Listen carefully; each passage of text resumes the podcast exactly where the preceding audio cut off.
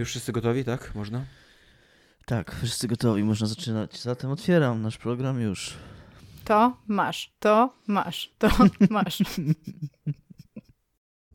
Witamy w podcaście Niezatapialni 299, odcinek z patchem 1.5, yy, więc mamy nadzieję, że wszystko już będzie dobrze szło.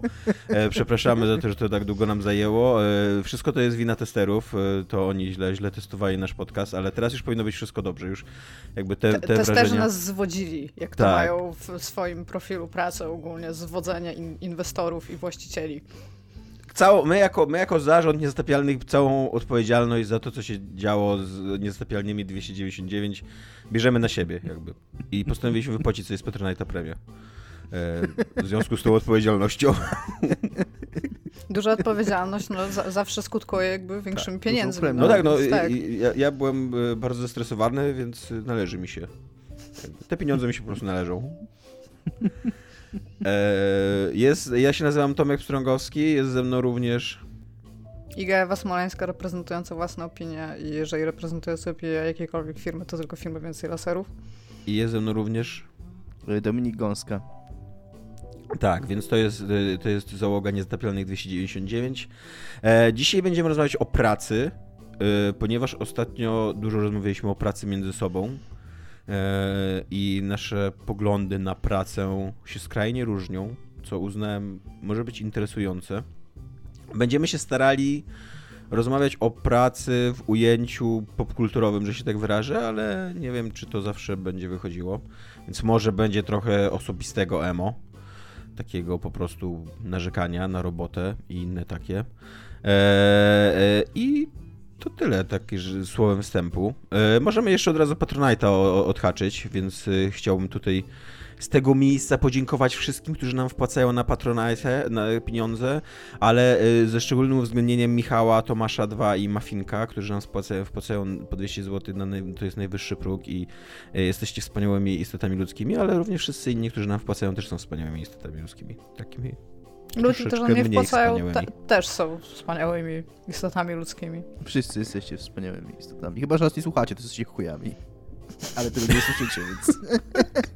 Tak swoją drogą, ja nie wiem, czy to jest ważne, ale pani z Patronite napisała do nas ostatnio, że można komuś kupić kupon jako prezent, że wspiera kogoś. Jest taka opcja. Czy ta opcja jest rozsądna, to jakby tylko tyle, że istnieje. A jaki kupon? No, że na przykład, powiedzmy, ja bardzo lubię Gaming Girls 69 i ty wiesz, że ja bardzo je lubię, ale jakby Też nie płacę. I, ty, I jako y, fan, tak samo jak ja, Gaming Girls 69, y, jakby patrzysz, o, Iga nie wpłaca, ja wpłacam, to kupię Idze kupon, że, on, że ja za nią wpłacę, ale ona będzie tym jakby widniała jako wpłatnik. Myślę, że to ma dużo więcej Że sensu kupujesz w komuś przypadku- subskrypcję jakby. Myślę, Ale że to ma dużo więcej jednorazową sensu... wpłatę? E, Chyba subskrypcję, bo to pewnie ma więcej sensu właśnie jak są jakieś progi, nie? W Jak sensie są jakieś zamknięte progi, za jak są jakieś nagrody. tak. Tak, no bo... Aha. A, a jak wiesz, Tomku, Gamers 69 mają dosyć dużo progów, więc e, jakby Tak. co, to ja ich nie wspieram. E, Nie wiem nawet, czy istnieją, co więcej, ale również jako ich fan, jakby co, możesz mi kupić ich subskrypcję. Nie, nie kupię ci ich subs O. subskrypcji. Jakby wystarczająco dużo porno jest w twoim życiu. Nie. E, więc tak, w każdym razie nasz patronat istnieje, bardzo nam pomaga w życiu. E, Patronat jest super, ludzie, którzy wpłacają na patronat to też są super, ludzie, którzy nie wpłacają są również super. Poza tymi, o których mówił Dominik, e, ich wyjmujemy ze zbioru super ludzi. E, Chyba, że zaczną nas słuchać, wtedy też są super. Tak, Tak. dokładnie. Tak. E, no i, i tyle. I tak, zostaliśmy poinformowani w bardzo zabawny i dowcipny sposób o moich przesterach. E, nie jest to wina mnie, od razu powiem skromnie, e, ponieważ to nie są przestery, które się dzieją na jakimś moim krzyku czy czymś takim, tylko tak zupełnie randomowo. E, Dominik odkrył gdzieś na jakimś wątku redditowym czy gdzieś, że być może chodzi o to, do jakiego gniazda są słuchawki podłączone. Więc teraz podłączyliśmy do drugiego gniazda, znaczy podłączyliśmy. Ja, ja solo. Kolektywnie podłączaliśmy te słuchawki, Tomaszu, nie bierz tego tylko... Podłączyłem słuchawki do drugiego gniazda i będziemy obserwować, czy to coś dało, czy nie. Znaczy wy będziecie obserwować. Jeżeli jakiś przester was Obserwuje wy, się dźwięk, to tak. wybudzi, wybudzi z drzemki was mój, mój przester, to znaczy, że nie działa jakby. Że na, na, nasze radykalne kroki podjęte w kierunku pozbycia się przesterów nie tak. zadziałały. Em, tak. Dominik, co jest grane u ciebie? Tomku, e, grałem ostatnio w grę, która się nazywa Far Changing Tides. Jest to gra e, studia Okomotiv i jak się dowiedziałem... Jest to, ciebie, druga, jest to druga część serii FAR. I Tak, chciałbym tutaj tak. sprzedać dowcip, który Dominika bardzo rozśmieszył, że Tak, jest bardzo... ludzie, y, którzy robią tą grę, stracili świetną okazję, żeby nazwać ją Tu Far, czy dwa Far. Myślę, że Tak, Pierwsza- właściciele marki Fast and Furious są na nich furious. Ale wydaje mi się, że jakby, bo oni jeszcze żyją w takim słodkiej niewiedzy na ten temat, że to spieprzyli i jakby jak się tego dowiedzą, to będzie im przykro, więc może Dominik im nie mów. Dobrze, nie będę im mówił. Nie, nie mam z nimi żadnego kontaktu, więc... y, Bo to nie ja załatwiałem tą grę, więc nie, nawet nie wiem jak im powiedzieć, ale nie będę im tego mówił. Mam nadzieję, że nie słuchają naszego podcastu. Nie wiem skąd oni są. Yy, zaraz się dowiemy. Yy, ze Szwajcarii są. Nie wiem, czy mamy jakichś słuchaczy ze Szwajcarii, sprawdzę to po nagraniu. Jeżeli mamy, dajcie głos, krzyknijcie teraz głośno. Tak, słyszycie? A Słyszycie? teraz tak, a teraz, a teraz y, zastanówcie się, co zrobiliście. Siedzicie we własnym pokoju czy w autobusie i właśnie krzyknęliście głośno. W Szwajcarii jeszcze do tego. Wstydźcie się. Dobra, się, że to far. mądry naród, nie? A tu takie rozczarowanie. Tu farmu. E, Tu far, no. e, pierwsza część nazywa, nazywała się Far Loan Sales i wyszła w 2018 roku, czyli prawie 4 lata temu już. I niestety ja w tą pierwszą część, jako że możecie się domyślić, tak wydedukować z tego faktu, że się dowiedziałem od Tomka, że ta pierwsza część istnieje, że w nią nie grałem. E, więc nie wiem na ile y, ta gra się różni, na ile wprowadza nowości, natomiast bardzo byłem z siebie dumny, jak ukułem dani elevator pitch, który brzmi Limbo meets Sea of Thieves, E, bo jest to z jednej strony puzzle platformer, taki bardzo w, w duchu Playdead. Ma taki, ma taki początek, że, że jakbyście odpalili tę grę i nikt by wam nie powiedział, kto ją zrobił, tylko mm, dał wam kontroler, to byście sp- spokojnie mogli strzelać, jest Playdead. E, Bo gra się zaczyna tak w ogóle, że po prostu jest, no znam tam logo, logosy film, wiadomo, i nie ma żadnego menu głównego, tylko wpada ludzik do wody i sterujesz tym ludzikiem od razu. I wypływasz i jest tytuł i grasz, nie? Tak bardzo playdeadowo to jest. to Ale jest- też są i- zagadki są tak zaprojektowane, że musisz przynajmniej raz zginąć, jakby raz, raz się musi nie powiedzieć, Nie, żeby się nie, nie, tam nie zorientować, ma- że oto zagadka przed tobą. Nie, nie, nie, nie, nie, tam nie ma w ogóle, nie umiera się w tej grze. Yy, więc pod tym względem tak yy, biegania i, i skakania i rozwiązywania zagadek to jest yy, tak, yy, takie limbo. Yy, a a, ta, a ta, ta część Sea of Thieves to jest yy, bardzo dużą częścią tej gry to jest yy, stanowi pływanie takim stateczkiem. Yy, trochę steampunkowym. yy, Z jakiegoś, tak- z jakiegoś takiego z rdzewego metalu yy, i drewna zrobionym. Zresztą też działającym na parę. Na początku masz tam żagiel, później masz silnik parowy do tego stateczku. I obsługa tego stateczku mm, polega na tym, że biegasz po jego pokładach i tam czasami musisz żagle postawić, tam sterować tymi żaglami, żeby wiatr łapać, tam zbiec, dorzucić y, węgla do pieca, tam poskakać po takim, mm, taki, nie wiem jak to- się nazywa, taki miech, którym Mhm. mhm. dmiesz w... Taki jak no, u Kowala, tak? Co Tak, tak, trzeba żeby- wzniecać żeby- ogień. Tak, żeby rozniecać ten ogień właśnie, żeby ten, ten silnik parowy działał. To się pewnie Później nazywa jeszcze takielunek. To jest jedyne słowo, jakie znam z żeglarstwa. Takelunek to jest, e, To jest żeg- olinowanie. żagle. Wiem, chyba, że to jest coś zupełnie Olinowanie. Oli, no, wiedziałem coś tam z żeglami. jest, to, jest to bardzo takie właśnie, bardzo mi się skojarzyło z Sea of Thieves, że, że masz takie proste jakby elementy tego statku, że tam tutaj chwytasz ta- taką dźwignię, co steruje żaglem i ustawiasz żagiel pod wiatr, nie? Po czym tam tutaj chwytasz coś tam i, i sterujesz tam czy do przodu, czy do tyłu statek płynie taką wajchą. Jeszcze inną A masz wajchą masz żagle i taką... olinowanie? Taki, masz taki takelunek? Masz Jakby? taki masz, musisz postawić, tylko i ten masz czasami Okej. spada, jak coś tam się wydarzy, więc jeszcze masz taki przycisk, który stawia masz, później musisz biec na ten masz taką linkę, z taką linką ciągniesz, żeby ten żagiel się postawił, tą linkę musisz zaczepić. Takie masz manualne czynności, które wykonujesz na tym statku, żeby on się poruszał w prawą stronę ekranu. I co jakiś czas, mm, jak on, on się przestaje poruszać w prawą stronę ekranu, ponieważ napotyka jakąś przeszkodę yy, i nie może płynąć dalej. I wtedy musisz z niego zeskoczyć i coś tam porobić e, żeby, żeby go poruszyć dalej i na ogół taka sekwencja bardzo często, może nie na ogół, ale bardzo często kończy się odblokowaniem jakiegoś nowego jakiegoś nowego, nowej funkcji tego statku. Czyli na początku właśnie masz tylko żagiel, później nagle pojawia się silnik parowy, więc możesz mm, płynąć nawet. W ogóle ten silnik parowy jest śmieszny, bo on jak rozpalisz pod nim, to tam nie ma jakiegoś, nie wiem, no, no, nie wiem, jakiejś, jak się nazywa, śruby, czy tam takiego czegoś, co napędza ten statek, tylko wysuwają się takie wiosła mechaniczne, które, którymi on wiosłuje. Jakby i, tak działa ten silnik parowy. A później masz jeszcze mm, moduł podwodny, że się możesz, yy, że możesz zanurzać się, bo też i później też pod wodą możesz pływać.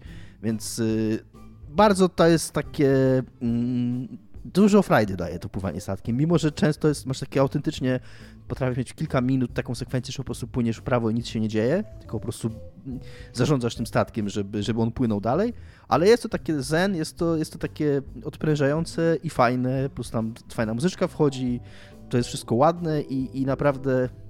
Taki e, slow taki, gaming. Takie, takie slow gaming, mhm. ale jednocześnie... Slow gaming punk, y nazwałbyś to tak? Slow tak. gaming Vania Slow gaming Vania, no właśnie. Slow, slow gaming em up. Yy, i, I to jest jedna rzecz, ale tak jak ja czytałem, czytałem też znakomitą recenzję, bo z Patrykiem Fiołkowskim rozmawiałem, bo on recenzował tą grę yy, dla Poligami, pierwszą część yy, i jest jego znakomita recenzja podpisana Bartek Stodolny, gdyż, gdyż wirtualna Polska. I, jakoś nie, nie, ogarnęła ciągle tego archiwum poligami. W każdym razie jest podpisana Bartek Sudolny, ale jej autorem jest Patryk Fiołkowski. Yy, I on tam... Czyli żeby było jeszcze większe, jeszcze większy jakby plot twist tej historii, czyli Adam Piechota. no wszystko jest jedna osoba. Tak. Yy, I i on tam, nie chcę powiedzieć, zarzuca, ale jako taki, taką wadę tej pierwszej części i też kilka innych źródeł, jak przeglądałem, to ją, to ją przywoływały, podaje, że, że, że zagadki są bardzo proste i takie, że w zasadzie ich nie ma. Że, że to jest taka właśnie głównie gra zen. To wydaje mi się, ja mówię, ja pierwszy wcześniej grałem, ale wydaje mi się, że to jest coś, co się zmieniło. Tych zagadki nie są trudne w żadnej mierze. One mi się bardzo kojarzą właśnie znowu z grami Playdead bo to jest coś, co Tomek y, często przywoływał jako Pamiętam, że o Inside to mówiłeś, ale chyba o Limbo też, o Limbo mniej, ale o Inside, że to są takie zagadki, które cię nie zatrzymują. One jakoś się tam angażują i czujesz, że coś robisz, ale jednocześnie nie zacinasz się. Jest tak płynnie Totalnie idziesz to się nie? tyczy Inside. Limbo miało dosyć trudne zagadki. Limbo to miało takie zagadki, że się zacinałem na nim. no to właśnie, no to, no to właśnie to Far Changing Tides ma zagadki, ale to są dokładnie zagadki w duchu Inside. To znaczy, tam nie masz takich momentów, że Y, że, że się zastanawiasz, co robić. Jest, one są dosyć angażujące, tam są rzeczy do robienia, jest dużo właśnie takiego obsługiwania różnych machin, y, czyli tak, tak w duchu tego, jak, jak sterujesz tym statkiem, to mniej więcej podobnie są skonstruowane te zagadki, czyli masz jakiś wielki żuraw, który musisz obsłużyć, żeby coś tam podnieść, żeby ten statek mógł dalej, dalej płynąć, albo wchodzisz do jakiejś tam budowli, bo tam są, jest, pływasz po, po jakichś takich szczątkach z świata mm, zrujnowanego, w którym tam no, takiego bardzo industrialnego. To jest takie, takie yy, yy, steampunkowo postapokaliptyczne. Punk, coś takiego. Taki post, taki, taki, taka postapokalipsa steampunkowa. W ogóle do postapokaliptyk trzeba jeszcze dodać punk, żeby to miało sens. Śmiejemy się z tego, ponieważ śmiejemy się z tego, wytłumaczymy tak. może dowcip, ponieważ Starfield, tak? Tak się nazywa ta gra? Mhm. Tak, tak. Bethesda się chwali, że Starfield ma być NASA Punk i nie ma to absolutnie żadnego sensu. tak jak Iga zauważyła, nie ma nic mniej punkowego niż NASA, która jest po prostu instytucją pełną nerdów, e, kontrolowaną przez rząd i finansowaną przez rząd. Tak, to właśnie... To tak jakbyśmy mieli ZUS albo Fiskus Punk. Jakby very punk. A z kolei Dominik e, zauważył, że teraz punk chyba oznacza świat po prostu. Tak, że tak, że dodaje się to końcówkę punk i tyle. E, no w każdym razie y, obsługujesz te, te, te machiny, biegasz po tym, tam robisz różne rzeczy, to jest angażujące, ale to nie jest, nie czujesz, że tam jakąś mentalną pracę wykonujesz, a jednocześnie gra jakby jest to satysfakcjonujące, bo, bo one potrafią być na tyle nie chcę powiedzieć skomplikowane, ale tam potrafi, no, masz różne rzeczy robisz, jakby czujesz, że, gra, że nie marnuje twojego czasu, że nie masz tak, że tam to się samo dzieje, tylko faktycznie musisz pobiegać, coś tam przestawić, coś tam przełączyć, ale na ogół to jest jedyna rzecz, którą możesz przestawić i przełączyć, więc y, nie, nie, nie jest tak, że spędzasz nad tym jakoś dużo czasu, ale, ale masz, masz, masz z tego frajdę, szczególnie, że gra też robi to, co znowu to są inspiracje bardzo wyraźne. Gra mi Playdead bardzo fajnie bawi się też tym perspektywą czy kamerą, tam jak powiedzmy wchodzisz na jakąś wielką wieżę, to nagle tak w ogóle się super oddala i masz taką super panoramę, gdzie widzisz cały tam kawałek tego świata i jakby też skalę tych budowli, bo ty jesteś takim oczywiście małym ludzikiem, który jest jakimś dzieciakiem chyba, tak wygląda jak jakiś dzieciak i tam on często, to jest taki Ale ledwo go widać na tym ekranie. ludzik? Nie, to jest człowiek. Wydaje mi się, że to jest człowiek. To dosyć ciężko stwierdzić to z całą pewnością, bo on jest w jakimś takim Mm, skafanderku. Kombinezonie, skafanderku małym, tak, więc, więc trudno powiedzieć tak naprawdę, ale, ale chyba tam z opisów, czy z, te, z tego, co z, z listingu tej gry, jakiś tam blurbów wynika, że to jest jakiś mały dzieciak. Więc, więc tak. Jest bardzo e... małym dzieciakiem, z tego co mówisz, Jeszcze... takim bardzo, bardzo tak. małym. Jeszcze była tak. taka gra Gris, która też była tak nastawiona taką 2D, 2D niby platformówką, niby grą logiczną, ale tak naprawdę nastawioną na taki flow, tak, żeby, bo rozumiem, że o to wizualia. Żeby, żeby płynęła ta opowieść, też, czy nie wiem, coś to też jest, do przodu. Ta, ta, gra też jest nastawiona, ta gra też jest nastawiona na to, żeby, uwaga, uwaga, płynęła ta opowieść. A powiedz mi właśnie, a, czy tam jest opowieść, czy tam jest no, fabuła tam się płynie w rozumieniu, czy, czy, czy Więc tak, w tej grze właśnie bardzo dobrze, że o to pytasz, bo miałem o tym mówić w trochę innym kontekście. To znaczy, grze, ta gra, e, opis tej gry na Steamie brzmi następująco. Tłem tej nastrojowej przygody są wzruszające losy chłopca, który wyrusza w swoim statkiem w podróż, by odnaleźć nowy dom. I to jest znacznie więcej fabuły niż jest w tej grze. w tym jednym zdaniu. ja trochę jak to przeczytałem e, i też jak czytałem tego blurba na stronie w sklepie Microsoftu, bo ta gra wchodzi do Game Passa 1 marca, więc widziałem ją wcześniej. E, to się trochę bałem, bo szczerze mówiąc, troszkę jestem już zmęczony takim sentymentalizmem w greczkach, że to będzie znowu kolejna smutna opowieść o smutnym chłopcu. E, I trochę tak mnie zgrzy, zgrzytały zęby mi i tak trochę mnie to odstraszało od tej gry, a jak zacząłem w nią grać, to szczęśliwie odkryłem, że to w ogóle nie jest gra o tym, jak się w nią gra. Yy, tak jak mówię, ona jeżeli chodzi o stronę fabularną, to... Ale może to, może to jest coś takiego, mm, graliśmy tutaj, mieliśmy cały odcinek o Slice of Sea Mateusza Skutnika i kiedy grasz w tę grę na samym początku, to ty nie jesteś do końca pewien, dokąd ty idziesz, jakby idziesz do przodu, ale na samym końcu wiesz, po co szedłeś. Być może. I może to jest Być na takiej tak zasadzie, będzie. że zakończenie daje ci jakby kontekst do całości dopiero. Jasne, ale i to będzie ok, jeżeli to się wydarzy. Ja tej gry nie skończyłem jeszcze, powiem. Jestem, no, włożyłem w nią solidne jakieś 4 godziny w tej chwili już, więc i też patrząc na to, gdzie jestem, to czuję, że tak mm, powinienem bardzo niedługo ją, ją skończyć. Ale byłeś już o tyle odpowiedzenia, o czym jest ta gra, i wtedy Iga ci przerwała. No właśnie, y, ona nie jest, ona, y, tak jak powiedziałem, ten, ten, to jedno zdanie to jest więcej fabuły niż w niej jest. Ona jest o tym, co powiedziałem. Tam wpada ludzik do wody na początku i, idzie w i przez chwilę i idzie w prawo. I płynie. to jest cała fabułka jest w tej grze. I płynie w prawo, tak. Tam są takie rzeczy, takie elementy yy, przede wszystkim na yy, w formie takich murali. Jak wchodzisz do tych yy, takich właśnie zapomnianych struktur czy, czy jakichś tam budowli, to na nich są takie murale obrazujące, co się działo w tym świecie przed katastrofą. Tak się domyślam. Ja nie za bardzo to rozumiem, ale przypuszczam, że gdyby usiadł tu z nami jeden z autorów tej gry, to mógłby jak Mateusz Skutnik powiedzieć mi, Dominik, tam wszystko jest e, jak na, ta, na, talerzu i po prostu jeżeli ty tego nie rozumiesz, to jest twoja wina i, i umyć Typowy ręce. Mateusz Skutnik, no. tak. Więc y, być może tam jest bardzo bogata, mm, bardzo bogata warstwa ukryta, mm, fabularna, której ja po prostu nie ogarniam. Natomiast wprost ta gra nie mówi kompletnie nic, nie ma tam żadnych dialogów, żadnego tekstu. Yy, żadnej takiej klasycznej historii, po prostu historia jest taka, że, że idziesz w prawo i, i, i gra i, i, i zmagasz się z różnymi trudnościami i też odkrywasz różne yy, różne niespodzianki, które, które są zaszyte w tym świecie, więc yy, ja jestem tego zachwycony. I, i, i aż jestem zdziwiony tym, jak, jak jestem zachwycony puzzle platformerem, bo nie jest to gatunek, po którym się spodziewałem czegoś wielkiego, bo jednak... Yy, trochę no, się przejadły, co? Trochę się przejadły tego typu gry. Mm, a tutaj właśnie ta, ta warstwa obsługiwania tego stateczka i tych wszystkich machin, yy, ona daje bardzo dużo świeżości. To jest takie naprawdę inne, się wydaje, dzięki temu. Jedyny zarzut, jaki mam yy, do tej gry, to jest niestety to sterowanie tym ludzikiem, on ma trochę za dużą bezwładność, ale to jest taka dziwna bezwładność. On tak jakby jak naciśniesz bardzo lekko drążek w prawo, to on jakby tak się przeskakuje o, o nie wiem, 10, 10 pikseli w prawo. Jakby nie, ma, nie porusza się tak płynnie, o, bo może to nie chodzi o bezwładność yy, mniej, a bardziej o coś takiego, że on nie ma jakby, nie ma takiej płynnej animacji ruchu, tylko pierwszy ruch jaki robi to jest taki przeskok o, mocny mhm. dosyć na ekranie, przez co są takie elementy, że trzeba na dosyć mały, takie momenty, że trzeba dosyć mały element wskoczyć, na przykład na jakiś mały przycisk, to dosyć trudno tym ludzikiem na ten mały przycisk wskoczyć czasami, tak, bo trzeba, nie można blisko podejść na niego wskoczyć, tylko trzeba jakoś tam odbiec ten i potrafi być trochę irytujące, ale, ale nie ma tego dużo.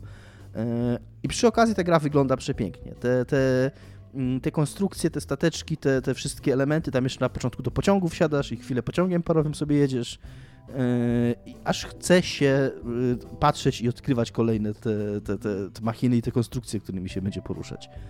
Mm, super tę grę polecam i ona, jak jak powiedziałem, będzie w Game Passie 1 marca, więc jeżeli macie Game Passa, opłacacie, to troszkę nie macie, jakby to powiedzieć... Wyboru, bo inaczej Dominik was znajdzie. nie wyboru, tylko nie Dojedzie. macie wymówki żadnej.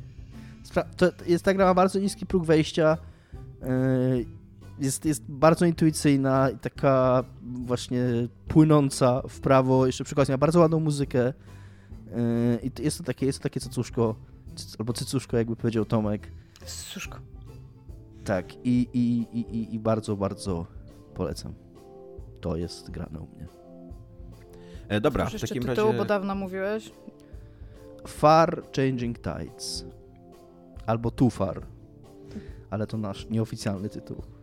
E, tymczasem w, idziemy do y, tematu y, tego odcinka. E, I zacznijmy od takiego prostego, fajnego pytania, które rozładuje tutaj atmosferę. Jaka była wasza najgorsza praca w życiu? E, dobrze by było, żeby była jakoś związana z popkulturą, e, jakoś z giereczkami czy, czy czymś takim, ale jeżeli macie inne gorsze doświadczenia pracowe, to też się z nimi podzielcie. Iga, podzielisz się z nami? Ja jakby siłą rzeczy przez wiele papierów, które mam podpisane z wieloma firmami, mogę ogólnie odpowiedzieć na to pytanie.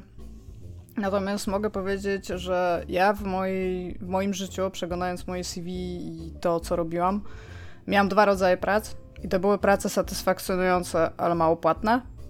I prace zupełnie satysfakcjonujące, ale bardzo dobrze płatne. I jak wiecie, pracowałam w kilku korpo.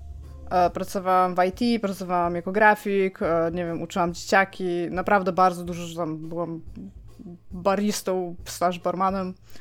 A jakby dużo rzeczy robiłam i mam takie wrażenie, że wszystkie te prace, w których realnie robiłam jakby coś dobrego, coś, co było jakby dodatnie, a nie jakieś takie obojętnie, to były naprawdę źle płatne, a te, w których robiłam takie rzeczy, którymi tak naprawdę nikt z jakby produkujących je osób się nie obchodził, bo to były najczęściej jakieś albo materiały marketingowe, albo coś tego typu, no to tym ludzie się nie obchodzili w ogóle, no ale jakby się tam się działo, bo pieniądze wpadały na konto, nie?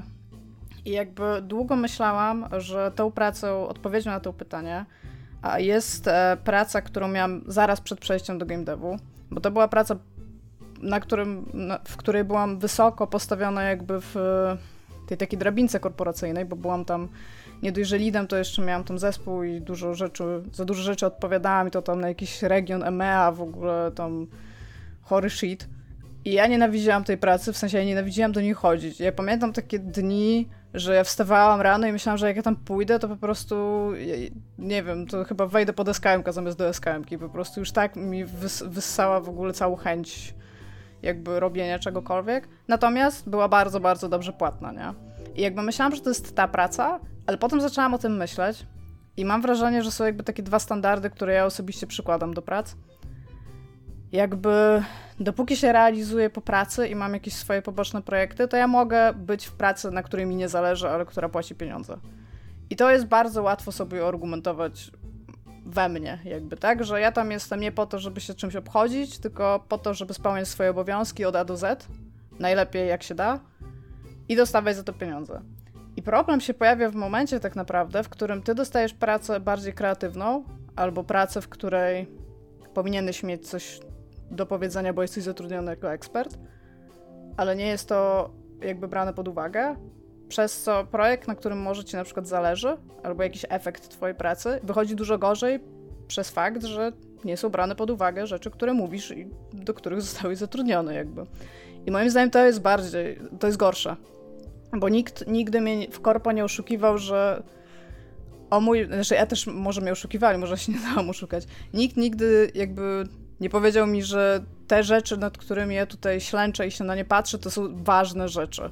To są rzeczy ważne, żeby zrobić od A do Z i żeby one wyszły, jakby, ale to nie są rzeczy, w które ja wsadzam jakoś serce, tak?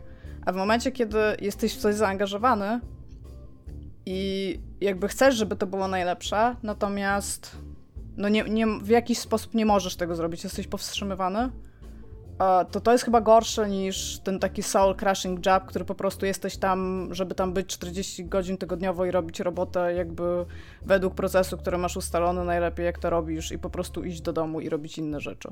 I e, w związku z tym jakby mam kilka takich prac, o w sensie tej drugiej kategorii, że na przykład e, byłam zatrudniona jako ekspert w czymś, ale w jakiś sposób te decyzje były albo nadpisywane, albo coś się działo jakby na linii decyzyjnej, a wykonania dobrej roboty.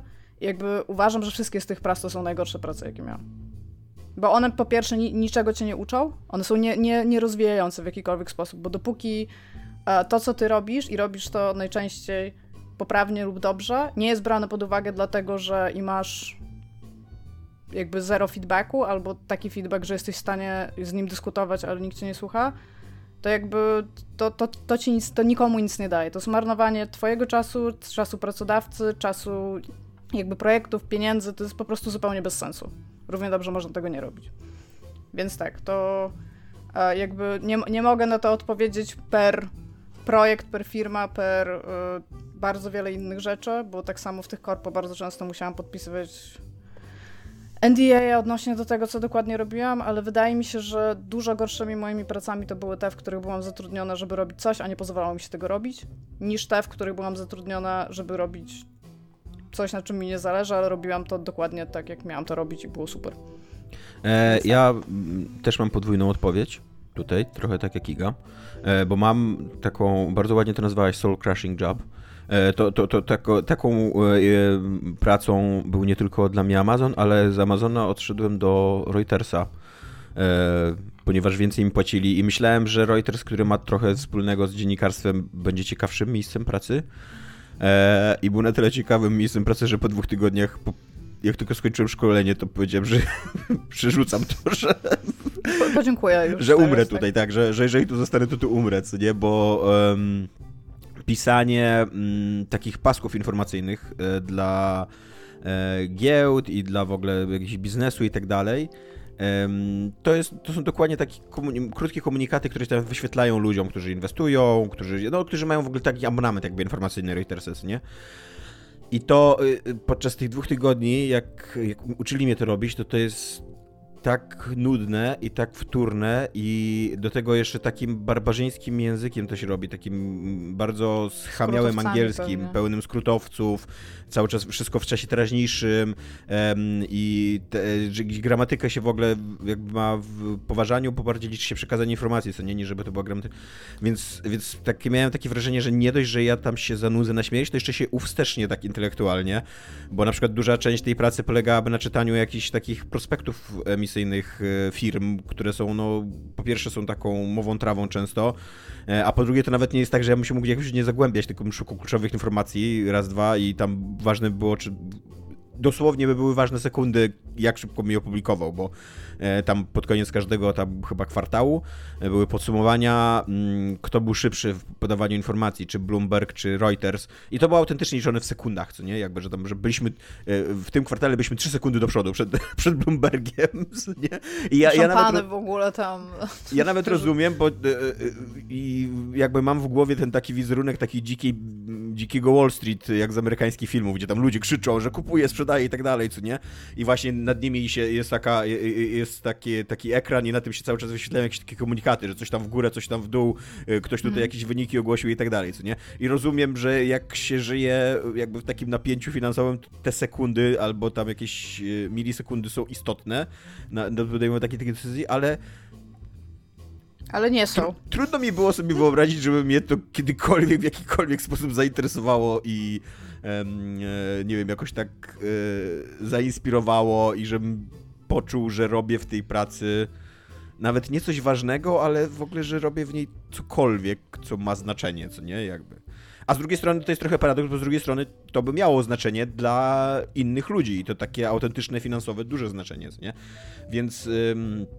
więc to była praca, z której ja zrezygnowałem po dwóch tygodniach, z tego soul crushing job. Później bardzo długo miałem w ogóle do siebie wyrzut sumienia, że to był mój życiowy błąd, że odszedłem z Amazona, bo w Amazonie też, też miałem nudną pracę, ale przynajmniej też mi dobrze płacili i tam mogłem sobie siedzieć. Jakby Amazon dla takich ludzi, jak to się nazywa, e, białe kołnierzyki czy niebieskie kołnierzyki? Takich ludzi, którzy po prostu siedzą przy komputerze i robią swoje... Niebieskie. Niebieskie. No to właśnie, e, jakby Amazon jest strasznym pracodawcą dla e, takiej siły roboczej, takiej, takiej fizycznej, ale właśnie dla takich niebieskich kołnierzyków, jak ja byłem takim niebieskim kołnierzykiem, to, to to jest spoko pracodawca. Siedzisz sobie przed komputerem, nie ma jakiegoś wielkiego ciśnienia, robisz swoje rzeczy, te rzeczy są nudne i nie, dosyć proste. Blue collar to są ci, którzy robią hard uh, physical jobs, agriculture, nie no. farmers. No. Blue collars, tak? No to nie, no to ja no jestem white collar, tak? W takim razie byłem. Nie, no chwila. To jest właśnie żaden... A nie, pak, masz rację, masz rację. Manual label. Znaczy tak. ja, ja bym się z tobą zgodziła, ale stwierdziłam, że to sprawdzę i tak, i tutaj... Masz Czyli, że byłem białym kołnierzyki, no. tak. No i tak... Znaczy, nie wiem, Tomek, ty nam powiedz.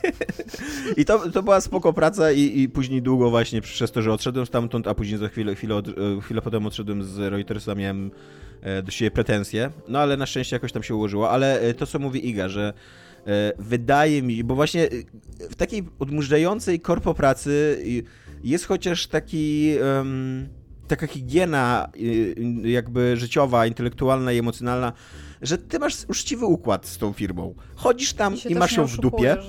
Tak. A tak. oni ci płacą za to, żebyś tam był 40 godzin. Tak, a oni, oni mają w dupie to, że ty masz to w dupie, dopóki robisz to, co oni ci każą. Mhm. I to jest taki czysty układ. To jest e, bardzo jasne, tak. Tak. Mhm. E, natomiast, natomiast pod koniec mojej pracy w wirtualnej Polsce byłem na takim stanowisku już mniej więcej, że no, że nie miałem jakby żadnych wyzwań, że totalnie byłem na takiej flaucie i, i po prostu ani nikt nie miał pomysłu co do mojego stanowiska i co do mojej roboty, e, ani nie było chęci i pieniędzy, żeby jakieś moje ambicje i moje pomysły realizować. Ja po prostu miałem siedzieć i taki status quo utrzymywać, nie? E, I to było straszne, bo to było właśnie tak, że miałem takie wrażenie, że jestem w miejscu, gdzie mógłbym robić fajne rzeczy, i na stanowisku, gdzie mógłbym robić fajne rzeczy, gdyby ktokolwiek był zainteresowany tym, żebyśmy robili fajne rzeczy. A, mhm. Ale absolutnie nikt nie był zainteresowany tym, żebyśmy robili fajne rzeczy. I z czasem y, ja też przestałem być zainteresowany. I stałem się takim po prostu y, takim zombie, który chodzi do pracy i siedzi 8 godzin w pracy i po 8 godzinach z pracy wychodzi i się zastanawia, co się właśnie wydarzyło, jakby, co, tak jakby co, co, się działo przez te 8 godzin, jakby, dlaczego właśnie straciłem 8 godzin mojego czasu, co nie, e, i życia. E, więc tak, więc wydaje mi się, że to była dla mnie, nawet właśnie nie, nie, nie chcę powiedzieć, że cały mój okres pracy w WP, bo miał super, absolutnie super momenty i, i no i z Dominikiem się poznałem i tam z wielu innymi ludźmi, i, tylko ta to sama... To było absolutnie... I z Igą, tak, to też prawda. z Dominikiem i z wieloma innymi ludźmi. No. Fuck you. Zapomniałem, ja w ogóle zapomniałem, że cię przez WP poznałem. Um, ale tak dużo milsza niż Dominik. Tak Zatem jak ja podszedłem tak. do ciebie, jak ja podszedłem do ciebie i cię poznałem, to ty byłaś mega zszokowana i wcale nie byłaś dla mnie miła. Ja chyba nie no? byłam żadna, bo ja byłam zszokowana. Ale podszedłem, bo... tak, podszedłem Ja też siedziałam że... obok Dominika, ja się przywitałam z Dominikiem i Dominik był dla mnie mega niemiły, więc jak ty się poszedłeś się ze mną przywitać, to ja byłam A ja, a ja słyszałem o Idze wcześniej i słyszałem i, i od Dominika i od Szyłaka i jakby wiedziałem, że Iga jest interesującą osobą i że bardzo chciałbym ją poznać. Nawet y, kiedyś chciałem iść na jakiś twój wykład czy coś takiego. I jak w końcu, bo ty jak przyszedłeś do pracy, to ja byłem na urlopie bodajże. Jak ja wróciłem z tego urlopu, to specjalnie do, do, do Igi podszedłem i powiedziałem, o, ty jesteś Iga Smoleńska, jestem Tomek tak, Tomek podał mi rękę, tak, tak, tak zupełnie fajnie, profesjonalnie, tak. a ja tak. byłam zahukana. Tak, a Iga była taka, mój... no cześć. I, i tyle. I, I to jest trochę rozczarowujące dla mnie. Że... To jest, to jest ta słynna Iga? Tego, jak gówno, jak gówno spada w dół. Waterfall. To jest, to jest znany ja byłem, system ja byłem, korporacyjny waterfallowy. Ja byłem niemiły dla Igi, tak, a Iga w efekcie była niemiła dla Tomka. Więc tak, e, jakby nie chodzi mi o to, żeby oczerniać jakąś wirtualną Polskę, e, ta, ta praca miała bardzo dużo fajnych momentów i, i e, i super projektów tam robiliśmy i tak dalej, ale moja końcówka w niej no była bardzo nieudana, o tak to ujmę. Dominik, twoja najgorsza praca. Ja nie zamierzam, jak wy, mieszać z błotem moich dawnych pracodawców, spuszczać w kiblu i palić Ja nie mosty wymieniałam ze sobą. ani jednego pracodawcy. Dlatego, dlatego będziesz mówił o swoim obecnym Nie. pracodawcy. Nie, nie. Y, ja nie mam takich doświadczeń bogatych zawodowych, jeżeli chodzi o skakanie z kwiatka na kwiatek. Ja jestem raczej takim pracownikiem i takim człowiekiem, który się przywiązuje i który czuje też jakąś taką... Japończyk. może- Jesteś w tym klasycznym japońskim systemie, gdzie się pracuje Być 30 może- lat w jednej firmie. Tak, być może to, ja bym użył słowa lojalność, być może to jest naiwne tak myślenie do tego, bo nie sądzę, żeby ta firma odczuwała ta czy inna, czy jakakolwiek firma, nie mówię tutaj o żadnej konkretnej firmie, mówiąc ta, nie mam na myśli żadnej konkretnej, tylko ta, w której pracuję aktualnie, e, która akurat... Ale też nie ta, w której jest- pracujesz aktualnie, tylko po prostu dana Chodzi mi firma, po w prostu o, dana firma, w której się pracuje, żeby ona odwzajemniała tą, tą lojalność, czy to uczucie, mm, które ja je, Ja ją jestem w stanie obdarzam. z mojego doświadczenia powiedzieć, że to się nie dzieje, to się nigdy nie stało i to się nigdy nie, nie Pracowałem- zacznie dziać. Pracowałem kilka lat dla CD Projektu zdalnie mm, to było tak, nie wiem, z 4 lata. Potem pracowałem 8 lat dla Wirtualnej Polski i teraz pracuję 6 lat dla Bumbitu. 6 lat mi minie w marcu. E, więc i, i żadna z tych prac nie była absolutnie najgorszą pracą w moim życiu. Każda miała swoje e, złe strony, jasne, każda miała swoje dobre strony ale nie mam tu żadnych takich kombatanckich historii, ale żeby coś odpowiedzieć na to pytanie, to... Muszę odpowiedzieć na zupełnie inne e, pytanie. z- nie, nie, nie. Nie pomyślałem w sumie, jak to, jak, jak, na jakie inne pytanie mogę tu odpowiedzieć. Mogę wam powiedzieć raz jeszcze, bo przypuszczam, że już odpowiadałem o tym w podcaście, jak łaziłem w stroju takiego wielkiego misia i rozdawałem ulotki. Nie E, bo opowiadałeś o tym. Nie, nie Bo odpowiadałeś. zanim, e, zanim znalazłem pracę w CD Projekcie, a znalazłem ją w ogóle przez forum na stronie CD Projektu e, i zacząłem pisać newsiki za 100 zł netto, e, brutto. Nie, za 200 zł brutto, to było jakieś 160 na rękę. E, to zanim zacząłem to robić, to mm, tak, to był jakiś tam pierwszy, drugi rok studiów. Żeby mieć tam na waciki, na jakieś tam browary, to robiłem kilka takich mm, prostych, manualnych prac, typu tam rozdawanie ulotek rano, czy rozdawanie gazet, takie darmowe gazetki były i tam stałem na przejściu samochod tym, na skrzyżowaniu, gdzie były długo, gdzie się korek robił i po- podawałem ludziom te gazety przez dwie godziny i tam miałem z tego dwie stówki, czy coś takiego. I, y, i to była w miarę spoko akurat praca. Y, ale, ale właśnie wcześniej chyba to było na telepizzy, czy dla kogoś takiego rozdawałem ulotki w takim stroju takiego misia, z takim łbem na głowie W tym jest strasznie gorąco. w którym było super gorąco Mhm. i super się nie dało oddychać i po prostu to była taka masakra, że yy, i naprawdę nigdy więcej, chyba raz to robiłem i po prostu już więcej nie poszedłem do tej pracy. Czyli Dominik był bo- Furii kiedyś. Furisem byłeś. Byłem furisem. Yy, to, takie, takie twoja fursona to niedźwiedź. byłeś nago w tym stroju? To możliwe, że to był taki niedźwiedź. Nie, nie byłem w nim nago. Być może powinienem być. Być może byłoby M- Mnóstwo, mnóstwo moich fantazji gorąco. właśnie zabiłeś tym, tym jednym stwierdzeniem. Ale to był prawie chyba- był to był chyba jakiś taki-. To był chyba jakiś taki niedźwiedź właśnie, no i, i do dzisiaj mm, mam bardzo takie e, te wspomnienia, no takie, takie flashbacki z Wietnamu, jak sobie, jak sobie przypomnę chodzenie w tym, w tym pluszaku. Nie polecam nikomu, e, ale też nie mówię, że jakoś nie szanuję. Białe niedźwiedzie w Wietnamie były wielkim zagrożeniem. Tak, wielkie. M- Mnóstwo weteranów z Wietnamu ma flashbacki o białych niedźwiedziach. Czemu ty sobie wyobraziłeś białego? Ja sobie wyobraziłam takiego grizzly. Nie, no totalnie- Takiego, co się wiesza na ścianie. Totalnie myślę, że to był biały niedźwiedź. Nie pamiętam, jaki to był niedźwiedź. Był to jakiś chyba niedźwiedź. Dominik był w środku, więc pewnie nie do końca pamięta, jak wyglądał z zewnątrz. Tak. E, no dobra, e, to w takim razie teraz tak na szybko. E, idealna popkulturowa praca, jaką chcielibyście wykonywać? E, w sensie, jaki zawód taki z gier, filmów i tak dalej e, chcielibyście robić? Iga, e, widzę, że się uśmiechasz, więc pewnie masz jakąś super błyskotliwą odpowiedź na Znaczy, końcu języka. Bo, bo ja Dajesz. jak tylko to przeczytałam, to ja kiedyś mówiłam o tym w podcaście, że ja bym chciała być takim ziomeczkiem w RTS-ie, który ma na w plecaczku radio i go się wysyła, żeby odkrywał mapę. Pamiętacie to? I Mhm. mi się wydaje takie super proste w ogóle fantazja, że i, i zaczęłam sz- szukać RTS-ów i nie znalazłam takiej jednostki. Ktoś mi powiedział, że w Command and Conquer chyba była taka jednostka, ale sprawdziłam I nie, bo tam był tylko van, który to robił jakby nie chce być samochodem, więc obviously nie chce tego robić. Aczkolwiek jak się rozwali samochód Command Control, z niego chyba wysiada ziomeczek, więc jakby w domniemaniu jest, że tam jest ziomeczek w środku. I tutaj e, chciałam zrobić lekką dygresję, bo znalazłam najprawdopodobniej najlepszą profesję ever w Command Conquer. A w Generals jest taka. A, I to jest jednostka chińska i ona się nazywa hacker. I żebyście nie mieli żadnej wątpliwości, to na obrazeczku jest młody Chińczyk. Wiecie, że to Chińczyk, dlatego że ma chiński uniform i na pierwszym planie jest e, czerwona jakby wstęga z gwiazdą na jego ramieniu i ma laptopa, na którego się patrzy. Wiecie, że jest hakerem, bo ma bini, hat i okulary. I jest napisane tak. Hacker. I hacker ma abilities hack internet. ma abilities hack internet, za, za, który jest za darmo, cooldown jest instant i ma zero prerequisition, pre, prerequisites. I teraz pierwsze zdanie opisu tego to jest haker, będę to tłumaczyć, ok? E, haker e, łączy się z internetem i zaczyna hakować, żeby generować pieniądze. Kropka. Więc jakby być może on, ale zaczęłam myśleć i stwierdziłam, dobra, skoro ta fantazja nie jest za dobra, to zaczęłam myśleć, jakie są takie mm, realne, fajne, takie, takie realne prace jakby, które są w grach i które można by było wykonywać. I potem zaczęłam myśleć, że Simsy chodziły do pracy i jak się wchodziło na medycynę i się robiło, ja nie wiem, czy pamiętacie, że tam był taki system awansów, że żeby mieć kolejną część pracy, jakby kolejny level, trzeba było mieć iluś znajomych. I dopiero potem mogłeś awansować jakby. I jak się szło na medycynę, to zaczynałeś jako królik doświadczalny, który w opisie miało, że oni cię jakimiś środkami po prostu tam wstrzykują i to jest twoja praca przez 8 godzin. I oni realnie mogli wrócić do domu i umrzeć, więc to brzmi jak marzenie.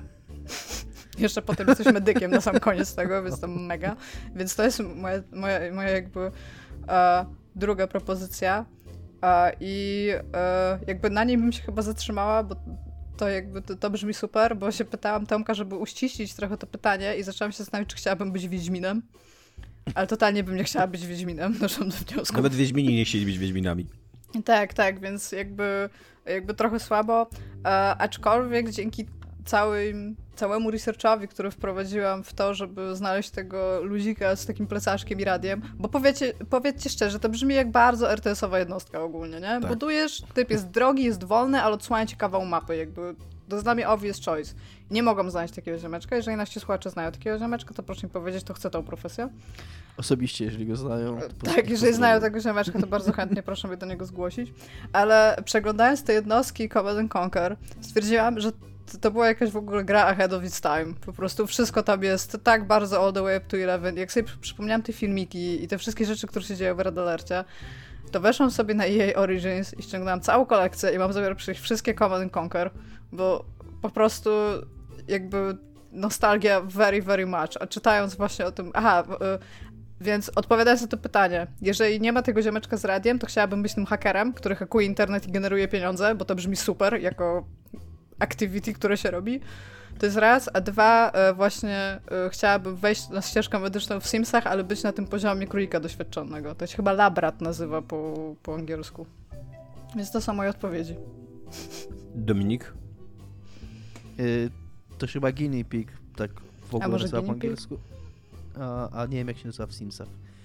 E, Tomku, nie mam takiej błyskotliwej odpowiedzi jak Iga chyba, Natomiast niedługo wchodzi na ekrany nowy sezon Battle Core i pomyślałem sobie, jak y, ciekawa wydaje się w popkulturze praca prawników, a szczególnie jeżeli spojrzeć na gry, to jak spojrzę na serię Ace Attorney, to totalnie chciałbym być adwokatem w serii Ace Attorney. Nie wiem, czy koniecznie Phoenixem Wrightem, czy jakimś innym, ale pamiętając to, ja nie, niestety nie mam jakiegoś super doświadczenia z tą serią. Grałem, przeszedłem tylko pierwszą część i grałem trochę w drugą. Yy, natomiast yy, ten prawnik tam, oprócz tego, że uczestniczył w fantastycznych yy, mm, przesłuchaniach, w których rola prawa czy przepisów prawa w nich była praktycznie zerowa, natomiast to wszystko było takie mm, przedstawione na zasadzie E, jeszcze przepuszczonego przez taki filtr japońskiej percepcji tego, jak wygląda prawo w amerykańskich filmach. Czyli to są takie prawo z amerykańskich filmów, jeszcze przepuszczone przez e, japońską interpretację tego. I tam jakiekolwiek konkretne przepisy czy odwołania do jakichś e, tych no mówię, jak, jakichś konkretnych art, tych no ustaleń prawnych, czy, czy, czy no przepisów po prostu, nie mają tam w zasadzie znaczenia. Znaczenie ma efektowna przemowa i, i, i argumentacja i wyszukiwanie nielogiczności w wypowiedziach oskarżonego oraz y, również w serii Phoenix Wright y, y, adwokat pełni bardzo czynną rolę podczas śledztwa. To znaczy. Sam je prowadzi tak, bardzo często. Tak, jest, jest, tak naprawdę również detektywem, więc rozwiązuje zagadki kryminalne, zanim będzie mm, obrońcą. A dodatkowo jest ten smaczek, to by Owsiany powiedział, E, taki dodatkowy dreszczyk emocji, że w, w jakiejś części, w której on grał, wprowadzono taką regułę w e, systemie prawnym w Ace Attorney, że jeżeli obrońca e, nie, nie obroni skutecznie oskarżonego, to sam dostaje ten sam wyrok. Tak, jest tak, jest tak. No. żeby zwiększyć, żeby zwiększyć stawkę.